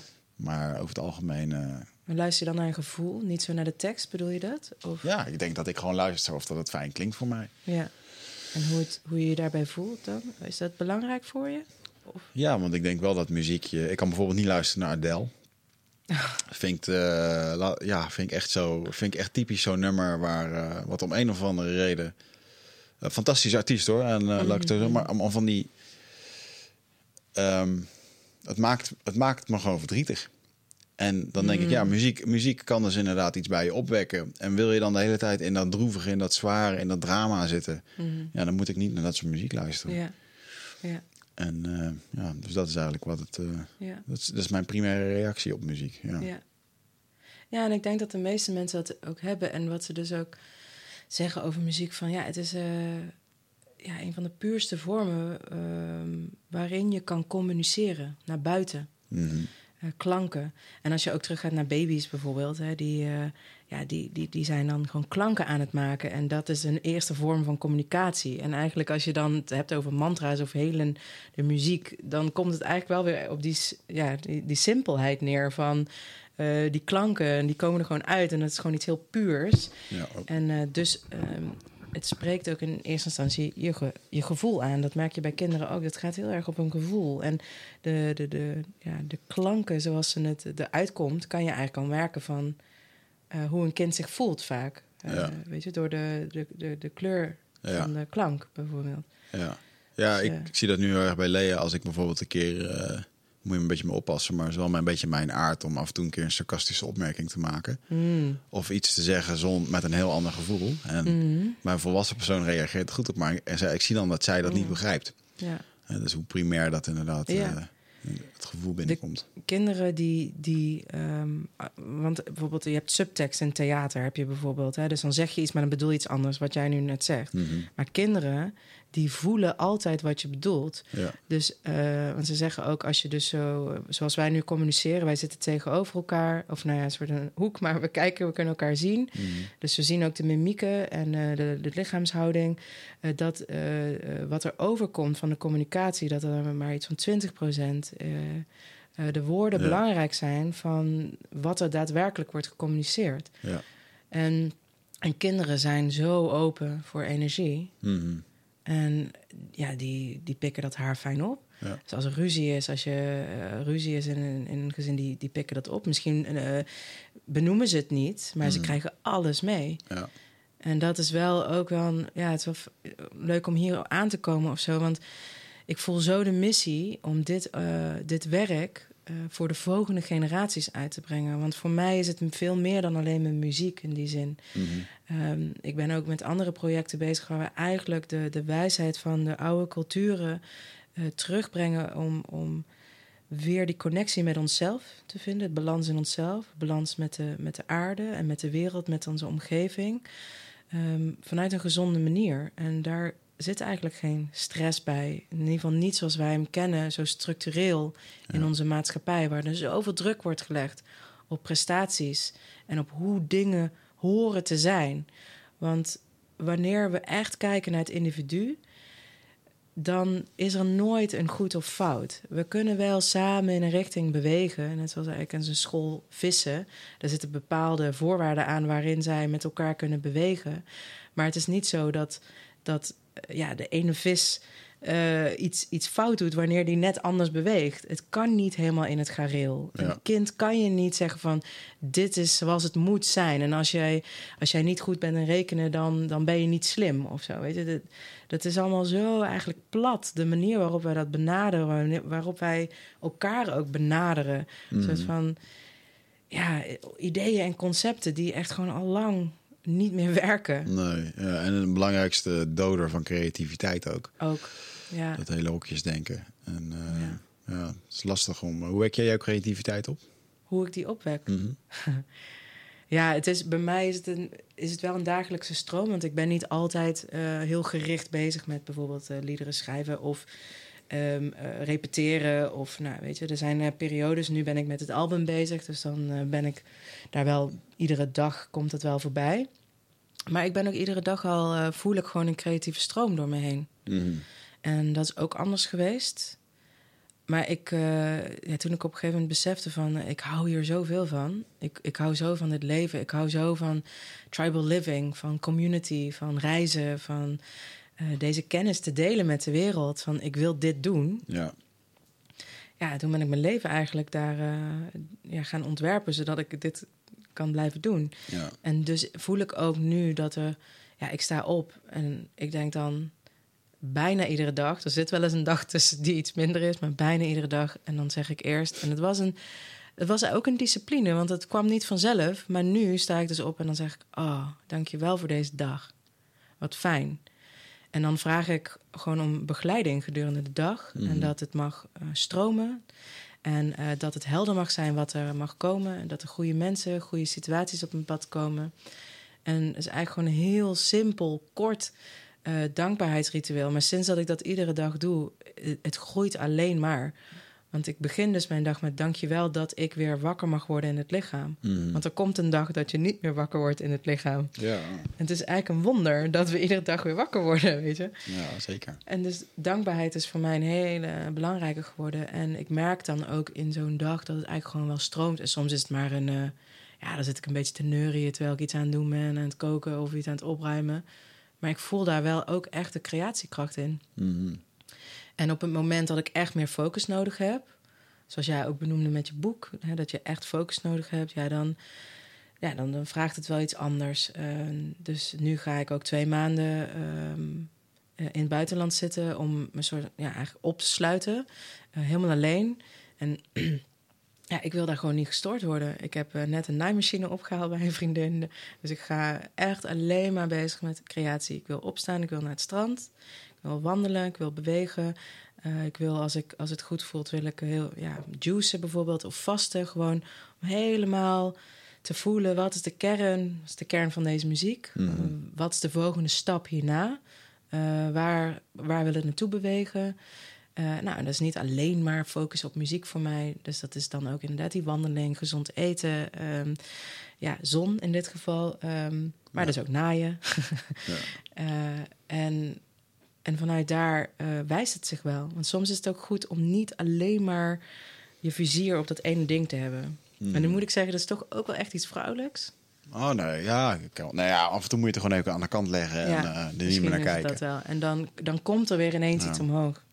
Ik heb de grootste inzichten gehad in mijn schrijven door gewoon te schrijven en er eigenlijk niet, niet meer naar te kunnen kijken. Mm -hmm. uh, om het dan weg te leggen of even over te dragen aan de editor en dan twee weken andere dingen te gaan doen. En dan las ik het weer en dan had ik, oh, en dan, had ik het echt zo verbeterd dat het echt goed was. Mm. Dus dat, uh, ja, ik herken dat wel.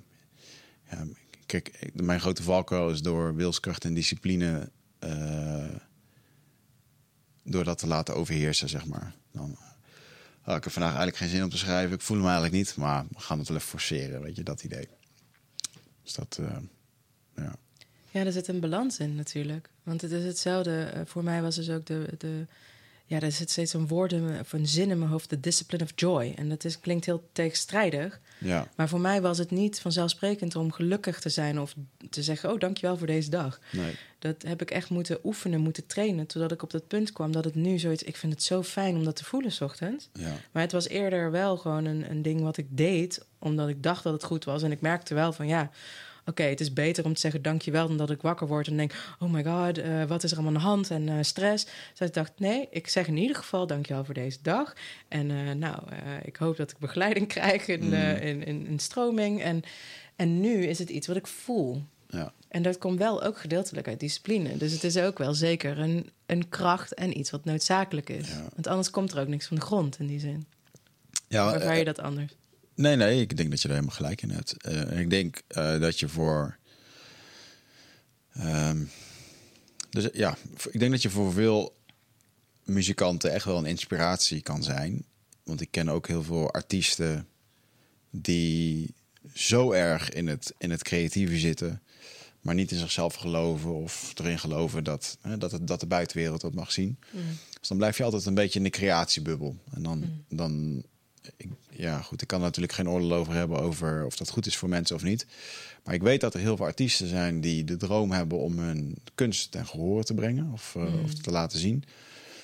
Uh, maar daar niet voor durven staan of nog denken dat ze er niet klaar voor zijn. En ik denk dan wel van ja, maar het is wel in die beweging van het laten zien. Uh, en dan krijg je de feedback, dan ga je steeds meer voelen voor jezelf. Als jij een zaal voor je hebt, dan zie je wat er gebeurt. En dat geeft zoveel meer informatie die veel meer bijdraagt aan dat, aan dat creatieve proces dan alleen je eigen bubbel. Hmm. Uh, en, en daarentegen, ik vind je levensstijl, ja, ik moet er altijd wel om lachen, want je bent altijd overal en nergens. Uh, in de zin van, uh, ja, je leeft eigenlijk uit de gitaarkoffer, een soort van. Ja, een soort van wel. ja, toch? ja, dat ik bedoel, klopt. dan zit je weer in Amerika en dan krijg ik een sms'je, ik ga in Amerika wonen. Oké, okay. drie maanden later is ze weer terug. terug weet je wel? dus uh, ja, kan je daar eens wat over vertellen? Wat is het? Over de Verenigde Staten? Nou ja, nee, over, gewoon over, überhaupt. Over, over, over gewoon over jouw levensstijl. Ja, over, ja. ja, het is precies wat jij net zegt. daar komt het wel op neer. Um, en ik hoop in alle eerlijkheid, en dan hoop ik dus echt al jaren, dat dat gaat veranderen. Want ik voel gewoon dat ik ergens wil landen op een plek waar ik echt kan bouwen. Mm -hmm. Want mijn visies reiken nog veel verder dan eigenlijk alleen maar op pad en onderweg zijn. Ja. Um, maar um, dat is ook weer dat stukje echt vertrouwen op dat wat er nu in dit moment aanwezig is. En op nu, op dit moment, um, is dit wat het leven me laat zien. Hmm. Mm. En voel ik heel sterk van het is nog niet de tijd om helemaal tot stilstand te komen. Maar ik voel wel dat ik dichter bij dat punt kom. En um, ik kreeg gewoon uitnodigingen. Ik kreeg uitnodigingen om naar plekken te gaan en ik hou van reizen. Dus ik dacht, ja, uh, natuurlijk wil ik naar Bali om daar te spelen. Of uh, naar India of Zweden of Verenigde Staten. Of, ja, wil ik heel graag. Ja. Dus uh, ik heb daar in die zin ook die stabiliteit opgeofferd, zou je kunnen zeggen, om deze ervaring op te doen. En ik had het niet willen missen. Hmm. Maar ik voel ook van, het is niet iets wat ik mijn hele leven lang wil doen. En vorig jaar, toen ik in de Verenigde Staten was, toen werd ik heel ziek. En toen moest mijn blinde darm eruit. En, um, en tegelijkertijd, ik was daar... Um, ja, ik had besloten om terug naar Nederland te gaan... om daar niet met te gaan settelen in de Verenigde Staten. Mijn vader komt daar vandaan. Ja, het was ergens ook al pijnlijk... maar ik voelde wel van, het is de juiste beslissing. Ja. En, en het ging terug om mijn spullen op te halen... maar ik had ook een award gewonnen in L.A. En dat heette dan de Peace Song Award. En uh, toen moest mijn blinde darm er, eruit...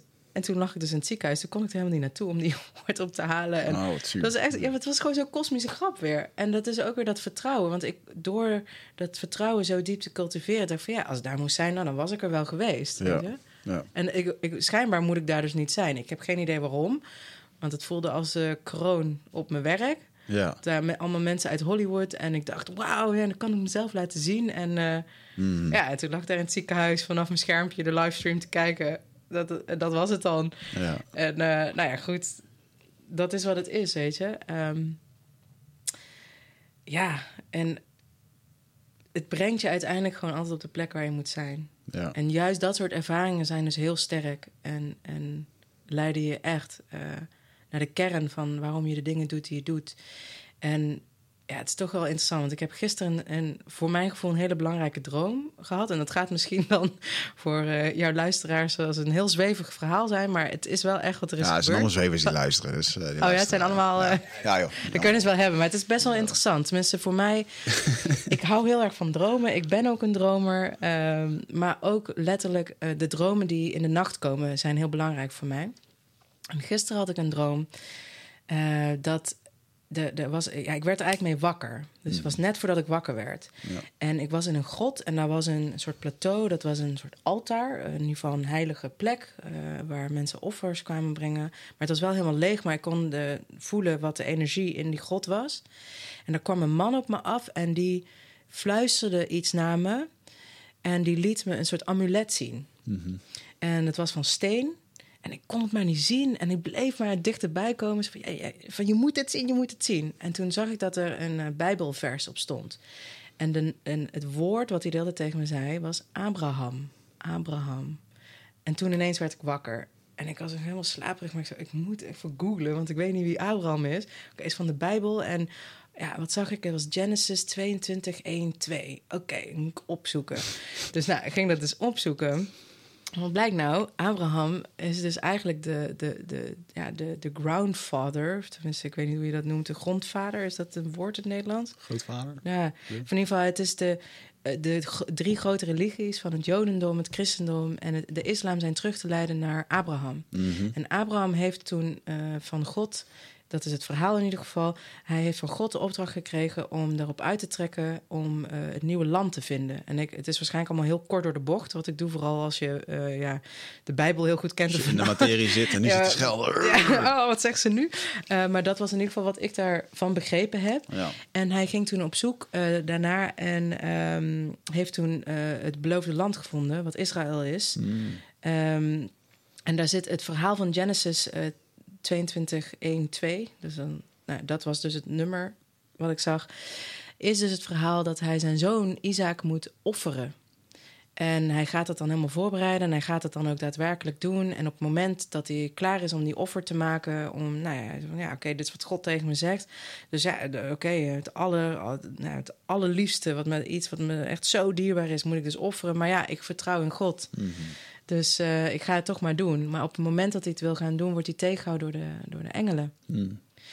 En dat wakkerde wel iets in mij aan van... Oké, okay, ik kan dus wel steeds een oordeel hebben over wat ik aan het doen ben. En voor mij is God niet een, uh, ja, een man die op een wolk zit, in die zin. Uh, het is een veel groter concept voor mij... Mm. Uh, dan, ja, dan God op die manier een persoon te maken. Het is iets wat in alles leeft. Het goddelijkheid ja. zit in ons, zit in alles wat, wat we doen. Daar zit een bepaalde vonken, een bepaalde energie uh, die uh, ja, verbonden is met de kosmische energie. Mm -hmm. En, um, en het gaf me wel een bepaalde rust van oké, okay, ik ben dus aan het reizen en ik heb ook wel gevoeld alsof ik op zoek ben naar een soort plek. En niet dat ik Abraham ben of uh, dat ik gekozen ben om het land te vinden. Dat is absoluut niet wat ik wil zeggen.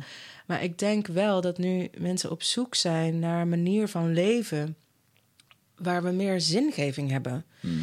En wat niet alleen maar meer vanuit een religie komt, wat heel dogmatisch ook kan zijn en ook heel beperkend kan zijn. Ja. Um, maar het eigenlijk breder te trekken. Het gaat over die verbinding die we met onszelf, met de aarde, met het kosmische gebeuren. En vanuit daar ook weer uh, ja, snappen of een, een, een, een, gevoel hebben van purpose. Ja. Dat is even het woord wat komt, maar uh, het voelt echt zo purpose. Mooi. Ja, En de, de eerstvolgende trip gaat naar eh, Portugal. ja morgen. The Beloved Land. Er zijn heel veel mensen die daarheen gaan. En heel veel mensen in, Ja. onze, in onze scene. Of, eh, de, ik ken iemand die heeft daar een, een, een Airbnb. Ik ken iemand anders die gaat daar een, een conscious retreat center eh, openen. Eh, iemand anders zoekt weer een stuk land om in een community te wonen en zo. Dat lijkt wel echt, eh, Portugal en, is wel echt een heel vriendelijk land daarvoor.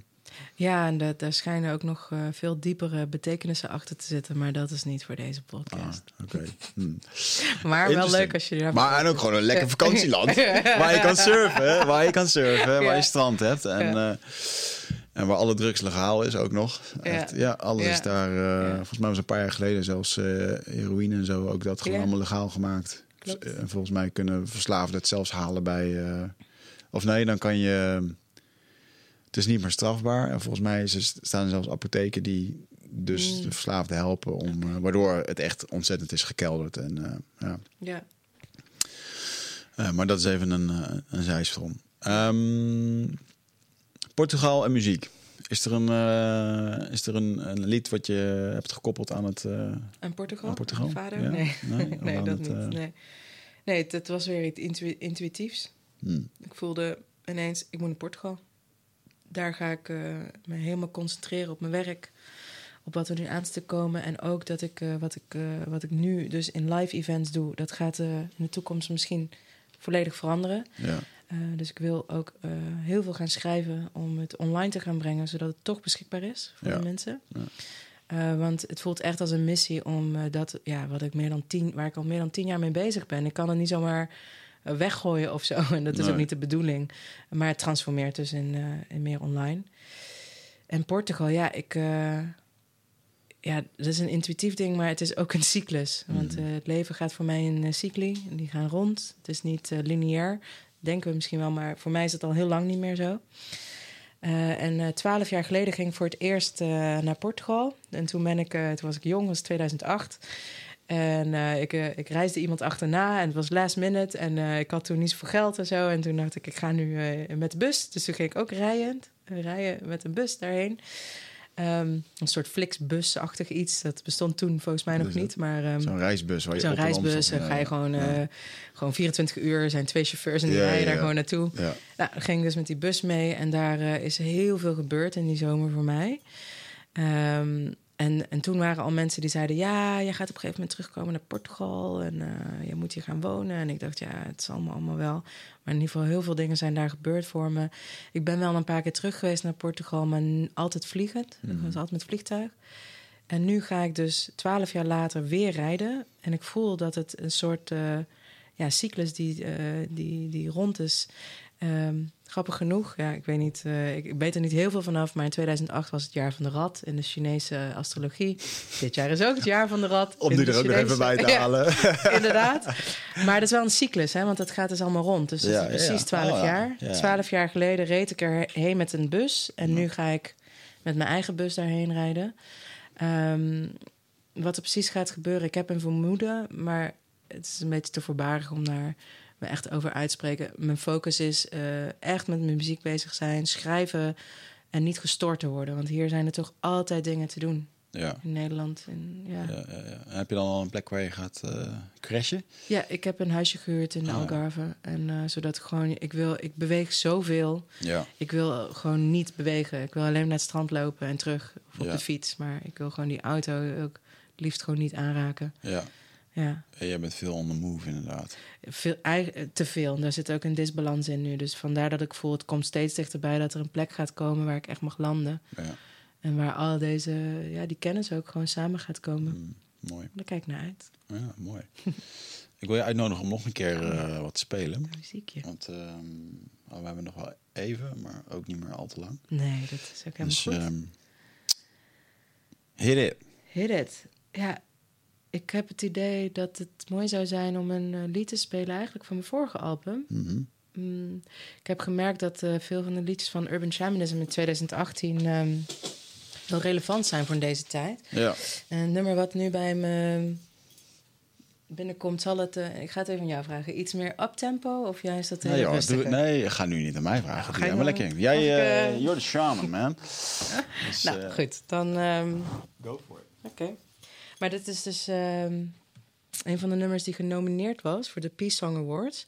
Heeft uiteindelijk niet gewonnen. Dat is Prayer Song. Ehm, maar de, ja, het voelt als een rustiger eh, moment. Dus ik ga niet keihard rocken. En het heet Sing to Me. En, eh, Oh ja? Nou, kijk, zie je? Die heb ik in mijn playlijstje staan. Nou. Dus die... eh, Gaan we die, dan gaan we die doen. Sing to Me.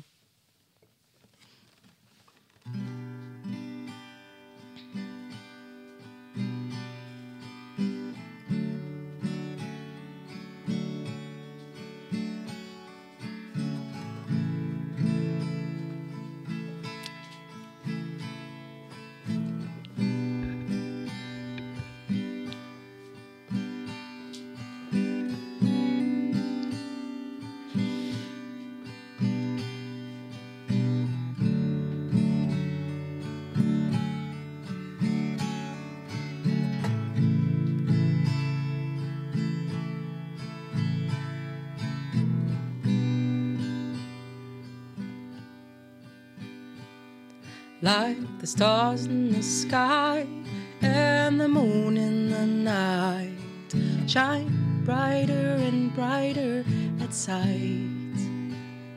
And knowing from above, aligning here below, what is above will come on down. Like the wind in the leaves, gentle and soothing I hear a calling coming through. Be like the trees, like the forest and your grounds, not giving an inch, We'll all be refound.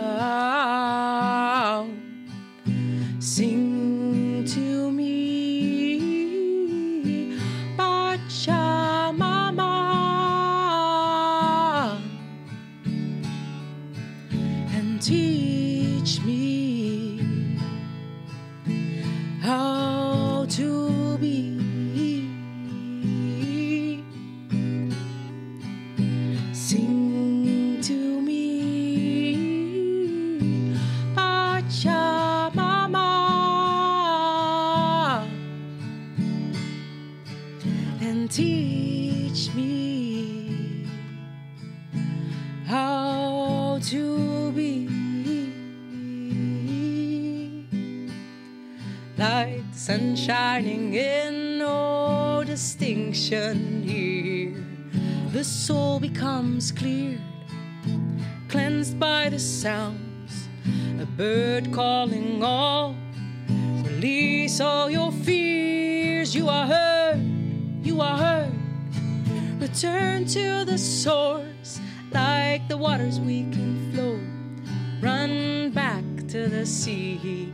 And all these precious gifts, if we could only see the infinite waters, may you show us the way to cleanse, clear, have faith, be strong and remain. Sing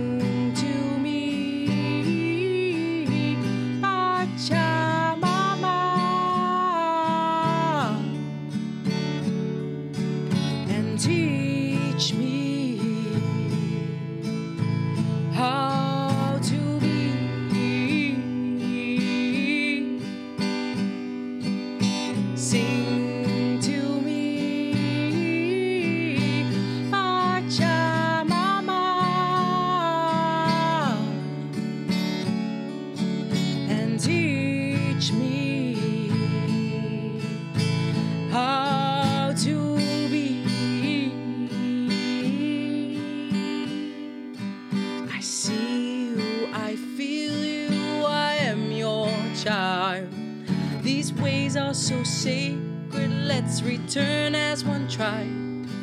Let's take care of you, sending our love, receive with open hearts. The circle is round, there are no mistakes, we have nothing to fear.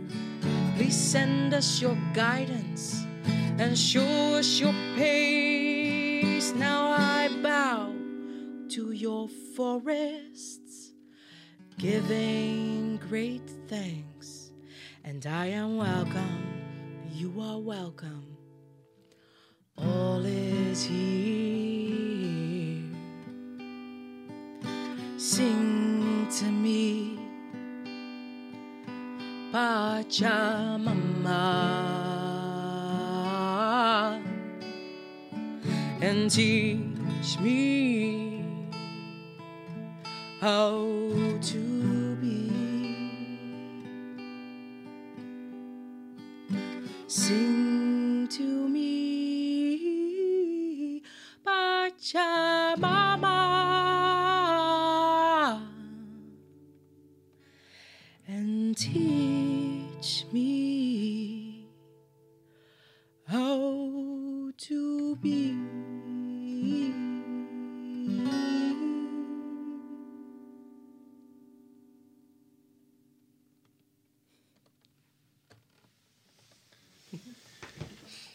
sick nummer. Op een goede manier, hè? Mooi. Ja, en Pachamama, voor de mensen die dus niet weten wat het is, dat is, uh, ja. de, dat is de moeder aarde. Mm -hmm. Dus we, ja, eigenlijk is het hele lied een vraag aan de moeder aarde om ons weer te begeleiden naar, ja, mooi. naar al, ja, om weer te luisteren en, dat, en dan weer ook terug te ontvangen. Want het gaat niet alleen maar over, uh, over geven, het gaat ook over het terug ontvangen. Ja. Daar gaat het dus ook heel erg over. Ja, ja dat, uh, hoe vaak ik dit nummer ook luister, of dat je het nou live speelt, of dat we een ceremonie zijn of niet. Dat uh, Teach Me How to Be, dat is echt Ja. wel zo'n essentie- essentieel onderwerp wat je in al die ehm, ja, tradities en oude leerscholen Mhm. terug, uh, terugvindt. Of Ja. alleen maar. eh, weet je nog dat wij laatst, uh, laatst een ceremonie deden met z'n tweeën en ehm, dat het medicijn toen zei van ja, de oplossing voor alle problemen is gewoon alleen maar om te herinneren wie je bent. Mm, En dat is wat het medicijn doet. ja. En dan kan ik daar nu weer kippenvel van krijgen als ik dat dan zeg. Dan komt dat er even weer terug. Maar zo simpel is het inderdaad. Ja. Weg van alle, alle ruis en gewoon terug naar de kern. Ja, simplicity, dat is echt waar deze tijd over gaat. We worden zo, er wordt ons heel veel ontnomen op een bepaalde manier. Maar het geeft ook een bepaalde simplicity terug. Want je gaat nadenken over wat is nou echt belangrijk. Ja, En, en hoe wil ik eh, mijn leven vormgeven? En, en die ruis waar je het over had, van, die wordt nu eigenlijk door externe factoren wordt die weggehaald. En dat, is heel, dat kan heel confronterend zijn, maar je kan er ook je voordeel mee doen. ja, En dat is waar deze tijd over gaat. Van waar ga je op richten? Ga je in die negativiteit lopen tollen en eh, daarover nadenken en al je energie daaraan besteden? Of ga je zeggen, oké, dit zijn de omstandigheden ja. en hier moet ik het mee doen. En dit is wat ik eruit ga creëren. En dat is ook het alchemistische proces en waar voor mij persoonlijk ook het shamanisme over gaat. Maar ook heel veel practices in de yoga over die negatieve energie, wat gewoon zeker een onderdeel is van de wereld. Maar dat uh, te transformeren. Dus door as asana's, door chanten, door andere practices. Uh, dat naar het licht te brengen. Ja. En, en dat is wel eigenlijk voor mij persoonlijk waar dit werk over gaat. ja. En de muziek is voor mij echt een enorme teacher daarin geweest. Want dat was voor mij zo'n heling om mijn verdriet, mijn pijn, alle negativiteit, eh, de moeilijke dingen die ik heb meegemaakt in mijn leven, Ja. in ieder geval weer daar iets moois van te maken. Ja. En Ja. ehm, ja, dit, is wel, dit is wel een hele leuke uh, van de Yawanawa. De Hushau is een, um, ook een, een super mooie uh, vrouw. En de Yawanawa is eigenlijk een neighboring tribe. Dus ze uh, zijn buren van de Kashinawa, de Honey Ja, Queen. de- voor de mensen die nog maar net intunen uh, in eindbazen of überhaupt alles. Een Braziliaan, een stam in de, in, in de jungle in Brazilië. Ja. Yawanawa. En uh, in die stam, ondanks dat ze het buren zijn, bij de Yawanawa uh, zijn de vrouwen alweer veel meer op de voorgrond aan het komen en veel meer leiding aan het geven. En Hushau is een van de eerste vrouwen die weer als page, en dat, zo noemen ze de shamanen in die tribe, mm. um, ja, weer eigenlijk naar voren is gekomen. En zij, is, ja, zij zegt ook, als ik zing, daar, dat is hoe ik mezelf uit. En daarin geef ik mijn liefde. En dat is, ik geef dan alles. Ja. Maar van haar heb ik ook geleerd, en dat was voor mij belangrijk, dat ze zei: je kan niks maskeren in de stem. Mm. De stem is altijd bloot. Je kan je best doen, je kan proberen, maar voor diegenen die echt luisteren en echt voelen en weer, weer werken met een intuïtie, die weten wat er gezegd wordt. Want de stem zal altijd de waarheid, de klank is altijd waar. En zij zei ook van, als je je verdrietig voelt, stop het in het lied. Ook al is het een vrolijk lied en jij bent verdrietig, dan gaat dat bijt elkaar niet. Mm-hmm. Want door dan met je verdriet volledig jezelf te geven aan een lied of aan een nummer, een chant, wordt het weer iets moois Ja. en transformeert het. En dat was voor mij een heel belangrijk moment om echt uh, te diep te begrijpen waarom ik deed, waar, waarom ik ja, of doe, waarom, Ja. wa- waarom ik dit nu doe, Ja, wat ik doe. Ja. Zijn die emotionele gebeurtenissen en moeilijke momenten... eh, is dat altijd de juiste voedingsbron geweest voor jou? Voor, eh, voor het maken van muziek? Of om jezelf in te kunnen uiten? Nou, weet je, um, het is wat me gegeven is. Ja. En uh, ik heb daar ontzettend veel van geleerd. En ik kan, uh, ik kan alleen maar dankbaar zijn Mm. daarvoor. Maar ik heb wel echt hele moeilijke, duistere periodes ook in mijn leven gekend. En, en ik, juist daardoor denk ik, het is zo'n wonder dat ik nu gelukkig wakker word. Ja. Het is dus zo'n wonder dat het mogelijk is. En ik weet dus dat het mogelijk is als je op een plek bent in je leven waarin je het echt niet meer ziet zitten. echt niet meer ziet zitten, dat het mogelijk is om daar een andere draai aan te geven. Ja. En ik weet dat jij ook jouw momenten hebt gehad. En ik denk dat dat ook een onderdeel is van het medicijn wat ik uh, deel in mijn muziek. Omdat mensen de gelaagdheid voelen van de reis die ik heb gemaakt in mijn leven. En, en dat raakt mensen op heel veel verschillende niveaus. Ja. En ik denk dat dat, uh, waardoor het... Ja, het heeft daarom denk ik ook al zo lang moeten duren. Want ik ben nu pas echt op een plek dat ik voel... Het is rijp. Ik kan mezelf delen zoals ik gewoon ben. Zonder filters, zonder poespas en gedoe. Nee, dit is gewoon wat het is.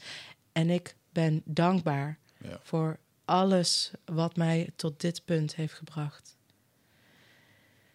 Dus ja, ik hoop ook ergens dat het een, een hoop mag geven aan de mensen. De, Niet alleen de teksten, maar ook de energie die in de muziek zit. ehm, om kracht te vinden in deze tijd. Van, Ja. Het is allemaal mogelijk om te transformeren. Om ook, ook al zit je nu een heel diep en zie je het niet meer zitten. Er is altijd een weg eruit. Altijd. Ja. ja, wat wel ook het mooie aan muziek is, dus ik weet, ik weet nog wel in de een paar essentiële momenten van mijn leven weet ik nog dat er een aantal muziekjes zijn geweest. Als ik die nu hoor, dan moet ik daar aan Mm. terugdenken, want dat heeft toen zoveel voor me betekend en zo. En eh, of het nou een nummer was van Coldplay of ik weet nog wel dat ik naar eh, Australië toe ging een lange tijd nadat het uitging met een eh, was het uitgaan met mijn vriendin en eh, na een moeilijke periode ja, ging ik eigenlijk voor, voor- om, om- eigenlijk op mezelf staan weer. En dat nummer You Got The Love is ook echt zo'n... er komt er zo'n house versie van of zo, ik weet niet. En dat, als ik het nu nog hoor, denk ik... Oh ja, toen was ik een ticket aan het boeken voor Sydney, weet je wel. was echt zo'n bevrijdend eh, ding. Dus dat je dat bij kan dragen, überhaupt, met je stem en met alle intentie die erin zit. Dat is echt wel heel bijzonder. Mhm. Ja, en dat, ja, er zijn ook wetenschappelijke onderzoeken die hierover gaan. Maar ja, dat weet je, dat is de, als we daarin gaan duiken, dan is, eh, zijn we weer zo verder. Maar ook mensen met Al- Alzheimer, dat, weet je, daar worden onderzoeken naar gedaan wat muziek ook is. Want als mensen dus, precies wat jij zegt, mensen met Alzheimer of met dementia. ehm, ehm, bepaalde muziek ho- horen uit hun jeugd of uit bepaalde periodes, dan in één keer zijn ze weer aan. Zijn ze Ja. gewoon weer helemaal eh, aanwezig. En alsof er helemaal niks aan de hand is. En hun geheugen doet het ook ineens weer. Ja. Dus de kracht van muziek gaat zoveel verder. Ze zijn ook inderdaad dus echt een wetenschappelijk onderzoek aan het doen... met welke delen lichten erop in het brein, wat het, is, wat het effect is... en dat er bepaalde verbindingen dus weer hersteld kunnen worden ook. En doet me denken aan wat je net zei over... hey, we zijn eigenlijk aan het herinneren waarom we hier zijn en wie we zijn. Ja. En muziek is daar dus kan daar in ieder geval wel een belangrijke rol in spelen. Ja, dat kun je zeker op een plek brengen die, eh, waar je moet zijn inderdaad. Ja. Hey, we moeten een beetje gaan, eh, gaan afronden. Ja, Ehm, wat, is het, eh, wat zou jij nog willen meegeven aan, aan onze luisteraars of de mensen die luisteren? Behalve een laatste nummer zo meteen. Maar... Oh ja, dat komt ook nog. nou, ik voel. hij- ik weet niet of ik. Ik heb eigenlijk soort voor mijn gevoel al zoveel ook verteld of zo. Eh, ik, ik wil jou heel erg bedanken. Dat je hier bent en dat je eh, open staat om met mij deze eh, podcast te doen. En ja, het gesprek met me aangaat. En ik ben heel dankbaar dat ik je mag kennen. En voor het werk wat je doet. Daar heb ik heel veel respect voor. En ja, dat, dat wil ik eigenlijk delen. Mooi, dankjewel. Ja, dan, eh, ja, insgelijks, weet je. Ik bedoel, we kennen elkaar nog maar relatief kort. Ehm, maar de dingen die we dan al hebben meegemaakt, en dat heeft dan vaak te maken met ayahuasca-ceremonies, maar die, die zijn dan gelijk zo verbindend en zo eh Beyond. beyond. Ja, zo van, oh shit, ik zie je eigenlijk nooit, maar als ik zie, dan is het altijd diep, weet je wel. Straight to the deep shit. Ja, de oppervlakte hebben wij eigenlijk nog nooit gezien met elkaar. We Dus hebben, eigenlijk altijd, gewoon nog, we eh, hebben elkaar nog nooit nuchter gezien. Nee. dat is Oh, oh. Nee. Maar, ehm, eh, nee, maar dat kan ik wel eh, onwijs aan je waarderen. Hmm. En ehm, eh, ja, ik vind, ik vind het toch mooi. Ik kan het heel erg waarderen ehm, dat je met jou, met de gaven die je hebt en dat ehm, je eigen artiestenleven, als je het een artiestenleven moet noemen, maar je hebt gewoon je eigen ding gecreëerd erin. En dat vind ik wel eh, bijzonder. Eh, en dat mag ook heel veel andere mensen inspireren. mm, Ehm, maar vooral met. ehm, we hebben vaker gesprekken over gehad. En af en toe dan probeer ik je wel eens een beetje in dat bedrijfsmatige te pushen. Van je moet het zus of zo doen. Maar je hebt die hele. eh, je hebt daar een hele pure, zuivere intentie mee. En dat, dat vind ik wel echt heel erg bijzonder aan je. Eh, dat je toch heel dicht bij jezelf blijft waarom je de dingen doet en of waarom het zo moet. En Mm. ja, dat vind ik wel heel gaaf dat je daar eh, je eigen manier in hebt gevonden. En er Ja. trouw aan blijft. Ja, dankjewel. En ik merk ook dat het nu echt zijn vruchten werpt, afwerpt. Want ik, daardoor kan ik dus ook zo mezelf zijn. Want ik heb eigenlijk altijd hetzelfde verhaal eh, verteld en, en altijd hetzelfde gedaan. Ja. Dat is een van, ja, dat is gewoon een hele belangrijke teaching ook van de elders, van de ancient tribes. Ja, walk your talk. Mooi. Dan gaan we afsluiten met een eh, laatste nummer. Walk your talk, Ehm, nee. Ja, nog top. Luisteraars, eh, nogmaals, kijk eventjes op de link in de, of een link in de bio, of op de links die hieronder staan, of in, waar je ook zit te kijken. Of dan ga even naar jenniferandsings.com, zoek erop op eh, Spotify, wherever. Op de website kan je doorklikken naar de crowdfunding. En als jullie allemaal even een paar euro doneren, dan, eh, dan gaan we nog veel langer blij. genieten van Heel deze, dankbaar. deze muziek. En eh, ja, Ja. oké, go for it. Wat gaan we horen als laatste nummer? Eh, brothers and sisters. En, ehm, ja, want we zijn eigenlijk allemaal broertjes en zusjes van elkaar. Mhm. We've made it. dat, het, eh,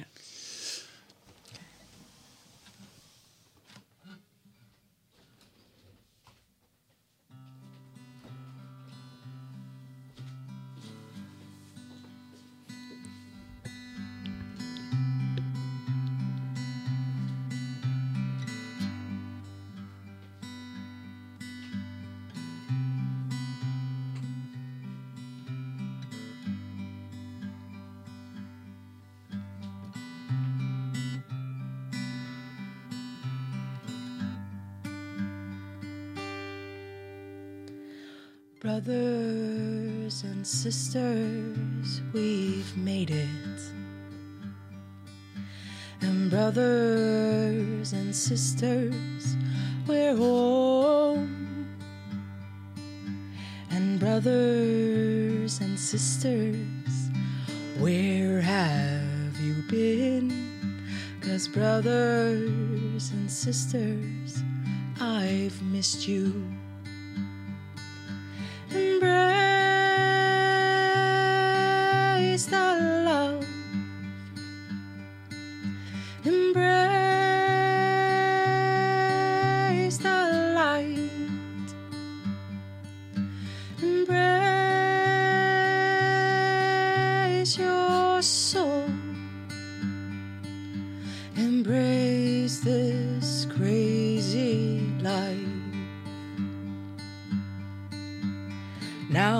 time to keep the faith of where you have come from and where you go again when the time is right.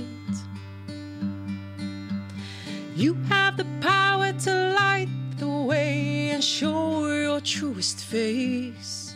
We've been waiting for the tide to change.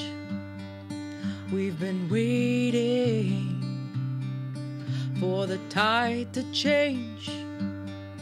We've been waiting for the tide to change. But the thing is, this time is now. Embrace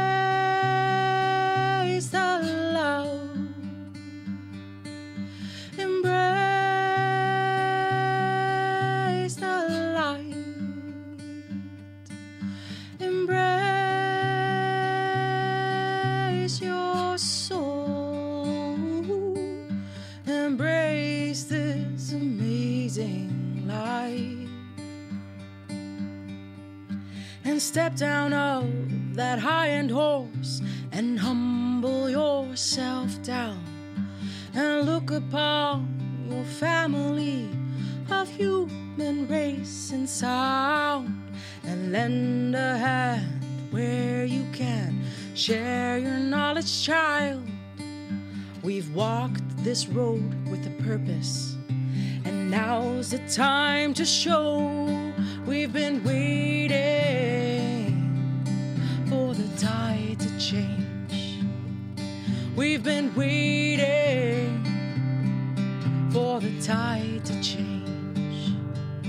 We've been waiting for the tide to change. But the thing is, This time